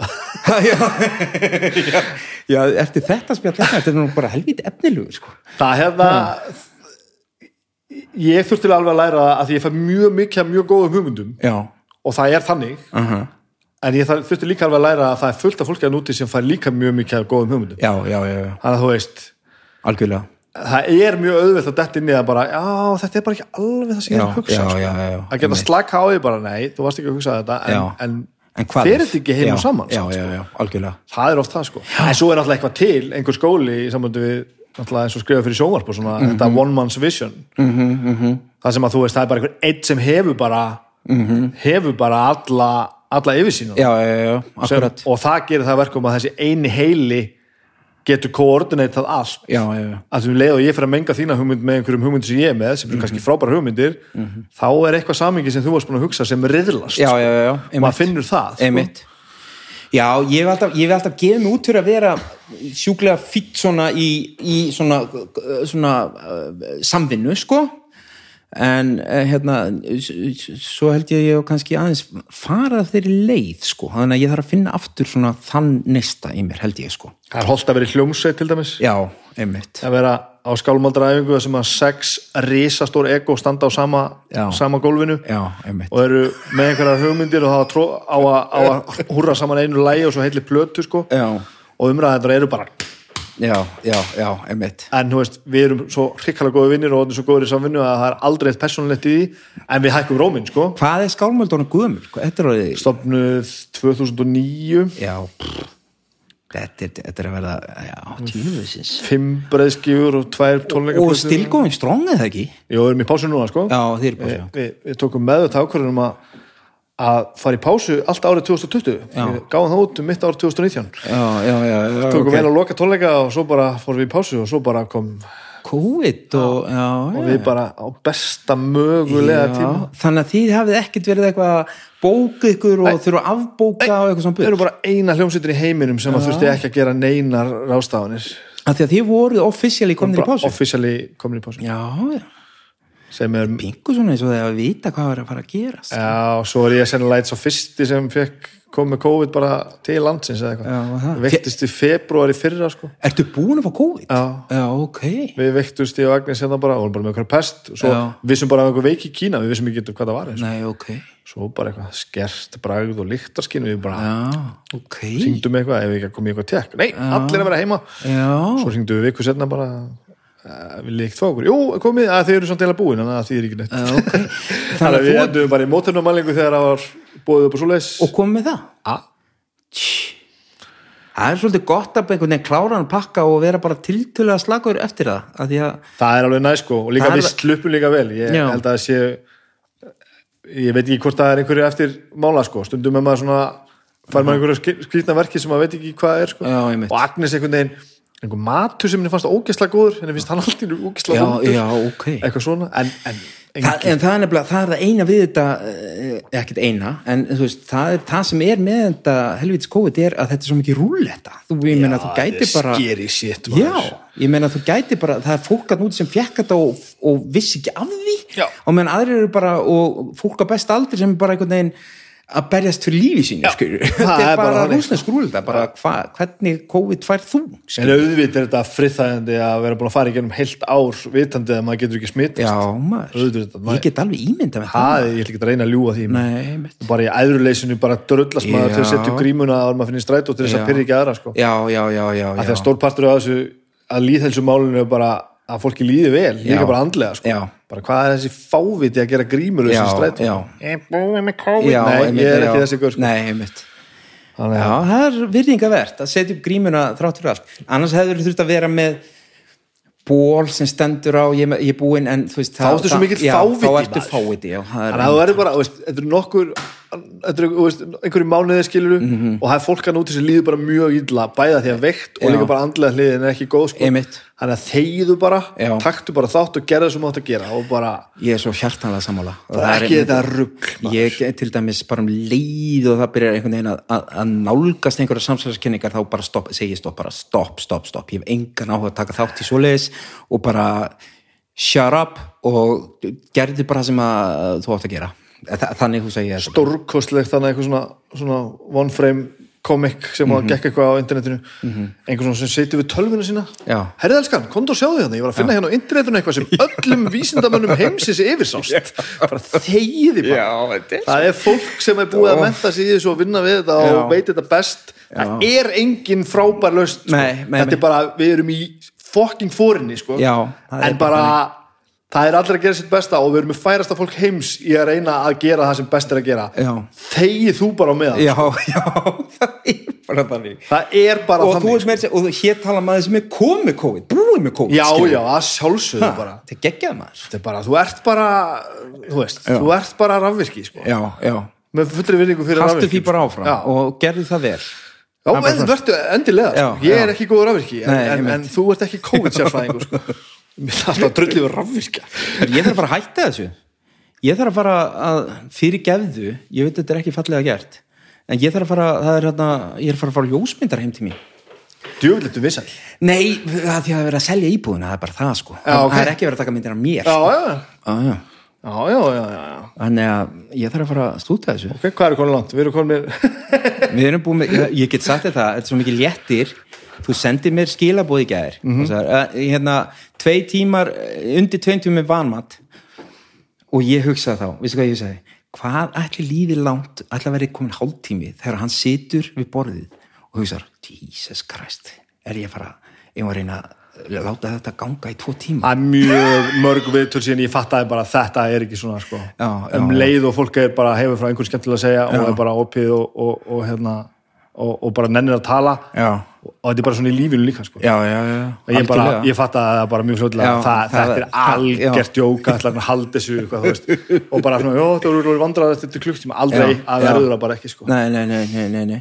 Við erum búin að ná tveim tímum þetta er mjög gott sko. Já, já, við þurfum eitthvað að hefða, nýtum nú einhvern enda á þetta samt sko. Já, já, já, algjörlega. Hérna, þú veist þú hefur aldrei verið fastráðan leikari við stórt leikus og hefur ekkert viljað það Jú, jú, það hefur alveg verið, verið tím, uh, hérna, jú, jú, jú, ég, ætla ekki að- ljúga öðru. Ég, það voru, það hefur alveg verið tímabil sem að ég hefði alveg bara uh, þakkað svo kærlega fyrir uh, fastráningu, en það gerðist aldrei, sko. Nei. Og, og ég, ég gerði eins og aðrir og bylaði til leikustjóra og að reyna að fá vinnu en þeir svo bara, bara nei, takk, bara takk, takk fyrir að hafa samband uh, og ég verði það bara. Uh, en uh, hérna nei, aldrei fastræðin og bara uh, og svo bara ægstast hlutinni þannig að sko, ég menn eins og fyrra sem var náttúrulega COVID árið mikla -hmm. ég hef aldrei haft þér mikið að gera. Ég stútaði þar uh, sko tveimur bíómyndum og seríunni minni Já. og annari seríu Já, skiluru, það var bara hérna brjálað að gera sko. Áhört og hérna og svo, og svo er núna bara uh, svo, svo er svo kláraði það, ég kláraði enda tökur á þessari bíómynd bara núna í janúar. Og svo er bara erum við að frumsýna vegferð og svo bara veit maður ekki, það er svona eitt og annað sem tala um mig, en ég er bara slakur sko. En þú er aldrei verið með atfinnu öryggi við fæð Nei, sko, jú, sko, á, hjá, þegar var, þegar Vestuport var hvað aktivast Já, í svo leikhúsinu, stórt, já. þá var ég basically, þá, sko, ég var ekki fastur hann hjá borgarleikusinu, en ég var þar bara á launalista bara mjög lengi. Já, að- já, já, já, já, já. Að því þá var ég að sína Uh, og k- k- það kom held ég einhver tíma sem ég var, var að sína sko tvær síningar sko, þá voru að sína kannski hérna uh, söngleikin uh, hérna ást og svo voru við líka að sína Voits eitthvað, eitthvað svona Já, já, já. crazy sko. Og ég var, hef alveg verið til dæmis í borgarleikus í 2-3 ár bara, bara vinnandi þar sko. En ekki fastráðin hjá borgarleikusinu sko. Þannig að það, og þá var ég með atvinnurki en, en, en mjög oft uh, ekki sko og þá hefur maður bara þurft að finna eitthvað annað að gera sko. Og, og svo lærist það bara, ég menna ég verið að 50 úr skilur þannig að það er alveg komið tíma og maður átti sá því hvernig maður á á að láta hana- hlutina ganga sko. já, það er bara svoleiðis. En ég er líka eins og ég sagði þér áðan, ég, ég hef verið rosa heppin uh, með svona, ég feng, getað unnið sem textasmiður og hérna sem er bara svona basic eh, fyrir ferðaskrifstofu sem að hérna er það sem er frábært fólk svo náttúrulega kom COVID og og engin sala þar en þá hafði ég bara brjálega að gera í að leika alls konar Þannig að þetta einhvern veginn lendir á löpunum alltaf. Já, ég hefur eiginlega alltaf gert það. Svolítið gott, sko. Þannig að ég er svona fann bara svolítið að trista á það að þannig e, verði það áfram sko. og ég tek mitt, mitt hérna, nú tek ég bara mitt sko, hérna, konserta og það er alveg fullt í gangi sem að ég, ég er að Gaman hvað var það að upplifa þetta sama og ég er að sjá hjá fólki í kringum sko. já, já, þetta er bara frábært og hérna og líka bara þessi, þetta æfintýri með vegferð var náttúrulega bara sko sagt þér, það er bara alls skemmtilegt sem ég gert maður að skrifa einhverja seríu og svo bara í fyrra sumari ég bara stattu vestur og fjörðu með Baldvin Seta bara einhvern veginn að segja "Öddu, hérna, bap, bap, bap, bap." ég þurfti bara að klípa mig sko því að þetta var bara unbelievable sko upplifun sko Og einhver svona hápuntur að því sem þú hefur að gera. Já, ég myndi alveg segja Já. það, það bara, ég hef aldrei, aldrei fengið jafn mikla bara fullnægi af því að mæti vinnuna, því að uh, ekki nóg með að maður gerir seri sem er uh, skemmtileg, heldur er ég, það er svo mikið að svona eh, einhverjum, uh, einhverju gæðum sem koma, og náttúrulega ein stór, eitt stór faktor er að Baldvin setja að gera þetta, því hann er náttúrulega bara mjög flinkur gaur, sko. Já, hann er framúrskarandi hann er framúskorandi að því hann er ekki bara eh, með sín heldur er hann bara svo duglegur sko. Þetta sem þú, skrifaði þetta já, og þú, þetta er þú veist í ykkar nöfnum, þetta er þú og Darri, Já. einhver svona hlista útgáfa ykkur já, já, sko upphaflega kemur Darri til mín og segir hérna, og þa þannig hefur þetta oft verið með okkur Darra að hann hérna er náttúrulega og sko mjög busy sem leikari og hérna og fær og er að, landa stórum frábærum rullum uh, og er að þvælast út um allan heim. En auðvitað langar hann og það er samt í honum svona alltaf eitthvað svona að gera eitthvað, skiluru og hann hefur um, oft hent einhverju á mig og svo hefur það orðið eitthvað eða ekki. Oftar en ekki hefur það ekki verið neitt. Nema hann eh, hérna, hefur sambandið um að segja, "Heyrðu, hvað með að hérna að gera seri um okkur tvo að fara eitthvað, þvælast eitthvað svona og, og hann fór eitthvað að vísi þá var hann eitthvað búin að vera að review upp hérna The Trip með Já, honum hérna. með þeim auðvitað. og, og svona bara uh, já, eitthvað þar kannski eitthvað svona. Og svo var það ekkert meir nema þá byrja ég að sittast niður og af stað á þess að vita almennilega hvert ég er að fara og, og byrja að skrifa og, og ég sé bara það lifnar eitthvað við á, á, á skjáni hjá mér. Og ég átta mig á því svona tiltölulega fljótlega að ég er með eitthvað ramma þarna sem að er mjög áhugaverður. Uh, tveir vinir annar er hérna eh, successful, hinn ekki eins annar er að ströggla við þeir eru að ströggla við misjafna hluti og, og hérna og, og annars pinkoleiðin í svona bara að svolítið að missa það bara hreinlega uh, svona, þetta er svona pingu svona tengist svona uh, geðsjúkdómum og annað sko og, og, og alls konar og, ferð og, sagt, um vináttu og hva, hversu sterk vináttu hvað, hvað það reynir á sterka vináttu og annað miðaldra menn, tveir miðaldra menn sem við erum, bara, við erum bara forréttinda pésar í, í, í, hana, í, samfélagi og í umhverfi eins og er í dag. Það sem er, það eru allir rosa mikið bara hvað má segja, hvernig áttu að orða hlutina hvernig áttu að haga þér hvernig áttu að vera. Þetta er mjög spennandi og það, vi- að það bara kviknaði eitthvað á skjáni hjá mér og og ég viðkynna alveg að fyrstu, fyrstu versjón, ég leifði mér að fara mun lengra með mig að hérna eh, vikingur í seríunni fær alveg að kenna á því og ég, það kemur frá mér. Ég geymdi darraðins svo kom bara darri inn og gerði sig meira og, og fór miklu lengra með sjálfan sig Og er þið þá að taka, þú veist, innan allar gæðslega bara gallana ykkar og það allt saman Já. og íkja það svolítið. alveg bara í hæstu hæði Þannig að þetta eru þið sinnum 1,5 Já, já. já.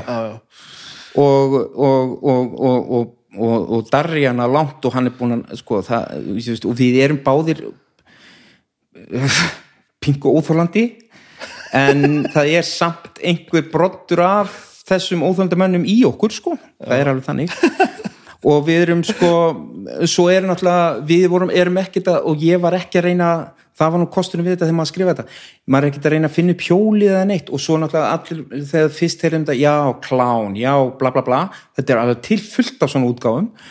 En en við erum samt að fara einhvern svolítið eh, nýja leiðir með þetta, ég meina til dæmis það hefur verið verið að kynna þetta úti og svona og, og það, hefur alveg strax svolítið mikil áhugi af því að við erum að taka svona vinasamband, kalla vinasamband á eitthvað svona svolítið skemmtilegt level sko.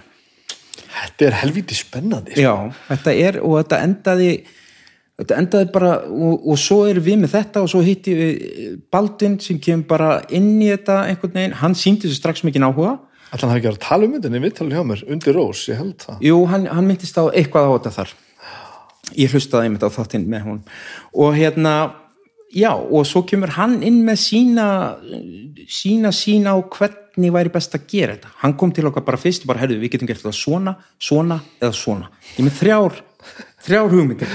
Hvað ættum við að gera? Og við komumst niður á eina og þá bara pff, fór hann á stað og opnaði skjalið sitt og byrjaði að vinna eins og, eins og maðurfokkar sko, af því hann er bara svo duglegur sko. Hvað hva er þetta, hvað format er þetta? Hvað er þetta langið þetta? Þetta er 30, hvað- 6 30 630 Já, mér finnst það mjög mér finnst það mjög, það er allavega enn sem komið er, er það bara eitthvað sem ég bara eh, ég held að sko, ég er með, með eh, seríu svona í kollunum og er aðeins byrjað að skrifa og ég er bara, það, ég er þar svolítið. Gamla breska Já, stöfið, já. Já, og svo, hefur, svo er þetta verða bara mjög vinsalt form í drama og alls er konar þetta er mjög, mér finnst þetta mjög heitlandi Lost voru sko 24 klukkutíma þættir eða eitthvað. Við þurftum það ekki. Nei, ég get ekki svoleið sko.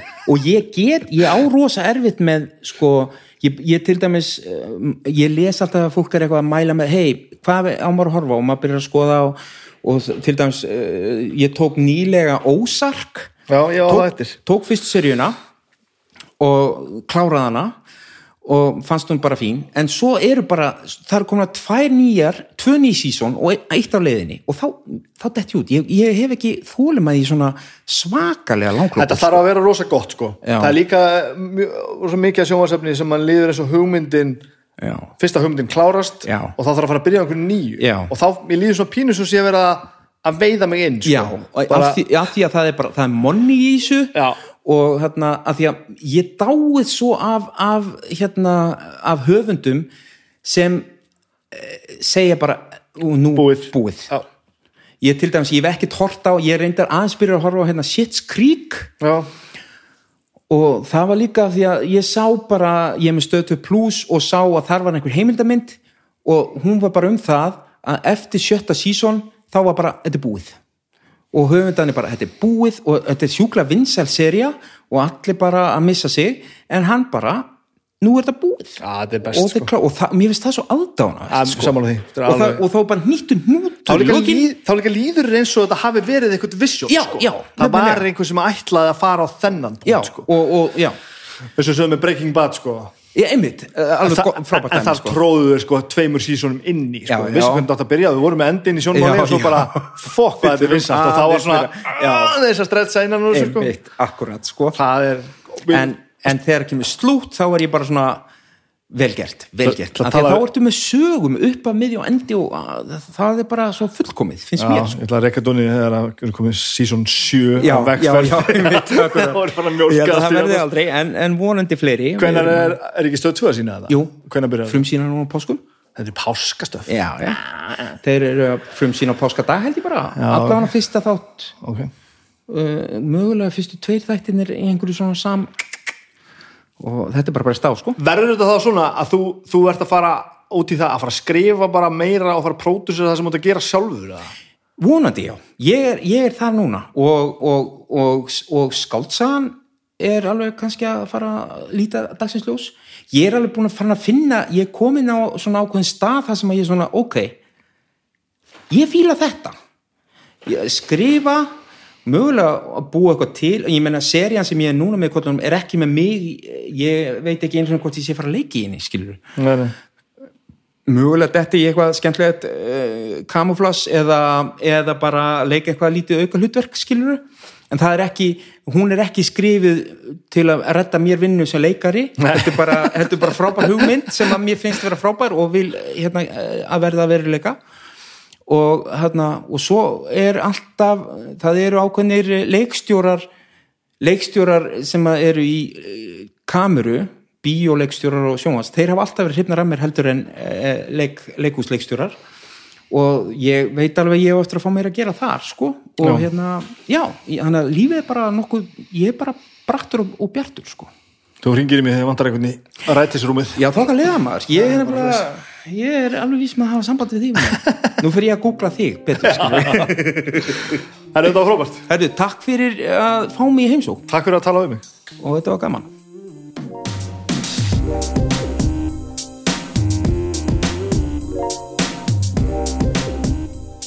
Það er bara sól og blíða hér fyrir utan allir. Ég klára ekki þetta og sækja krakkan á leikskólan og takk ég svo aðeins til og fara eitthvað að huga kvöldmat bara. Og þetta er allt eins og þetta var að vera.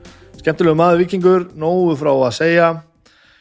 Ég vildi bara í alvörunni óska að ég geti aftur séð Rómi og Júliu með síndaða vestuporti á litlasviðinu.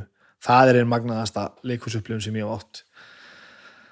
Magnað og svo bara vekkferðum páskanam, páskadag á stöð 2 því tjekkið á því mikið þannig gott, ég ætla að minna ykkur aftur á að það er auka þáttur hjá draugum fortíðar fórsetun okkar að spjalla við Flosa og Baldur með frekar mikið áhugavert og skemmtilegt og hressandi um, svo vil ég minna ykkur á nýjustu þættina tvo viðbættunar sem eru á, á, á lögadum og sunnudum, listamenn á lögadum Þar gera Örn Eldjárn og Valdimar gera tíu lista yfir hluti sem þið finnst skemmtilegir. Þetta er nýja uppáhaldslaðvarpið mitt. Ég ætlum ekki að reyna að fela einsunni.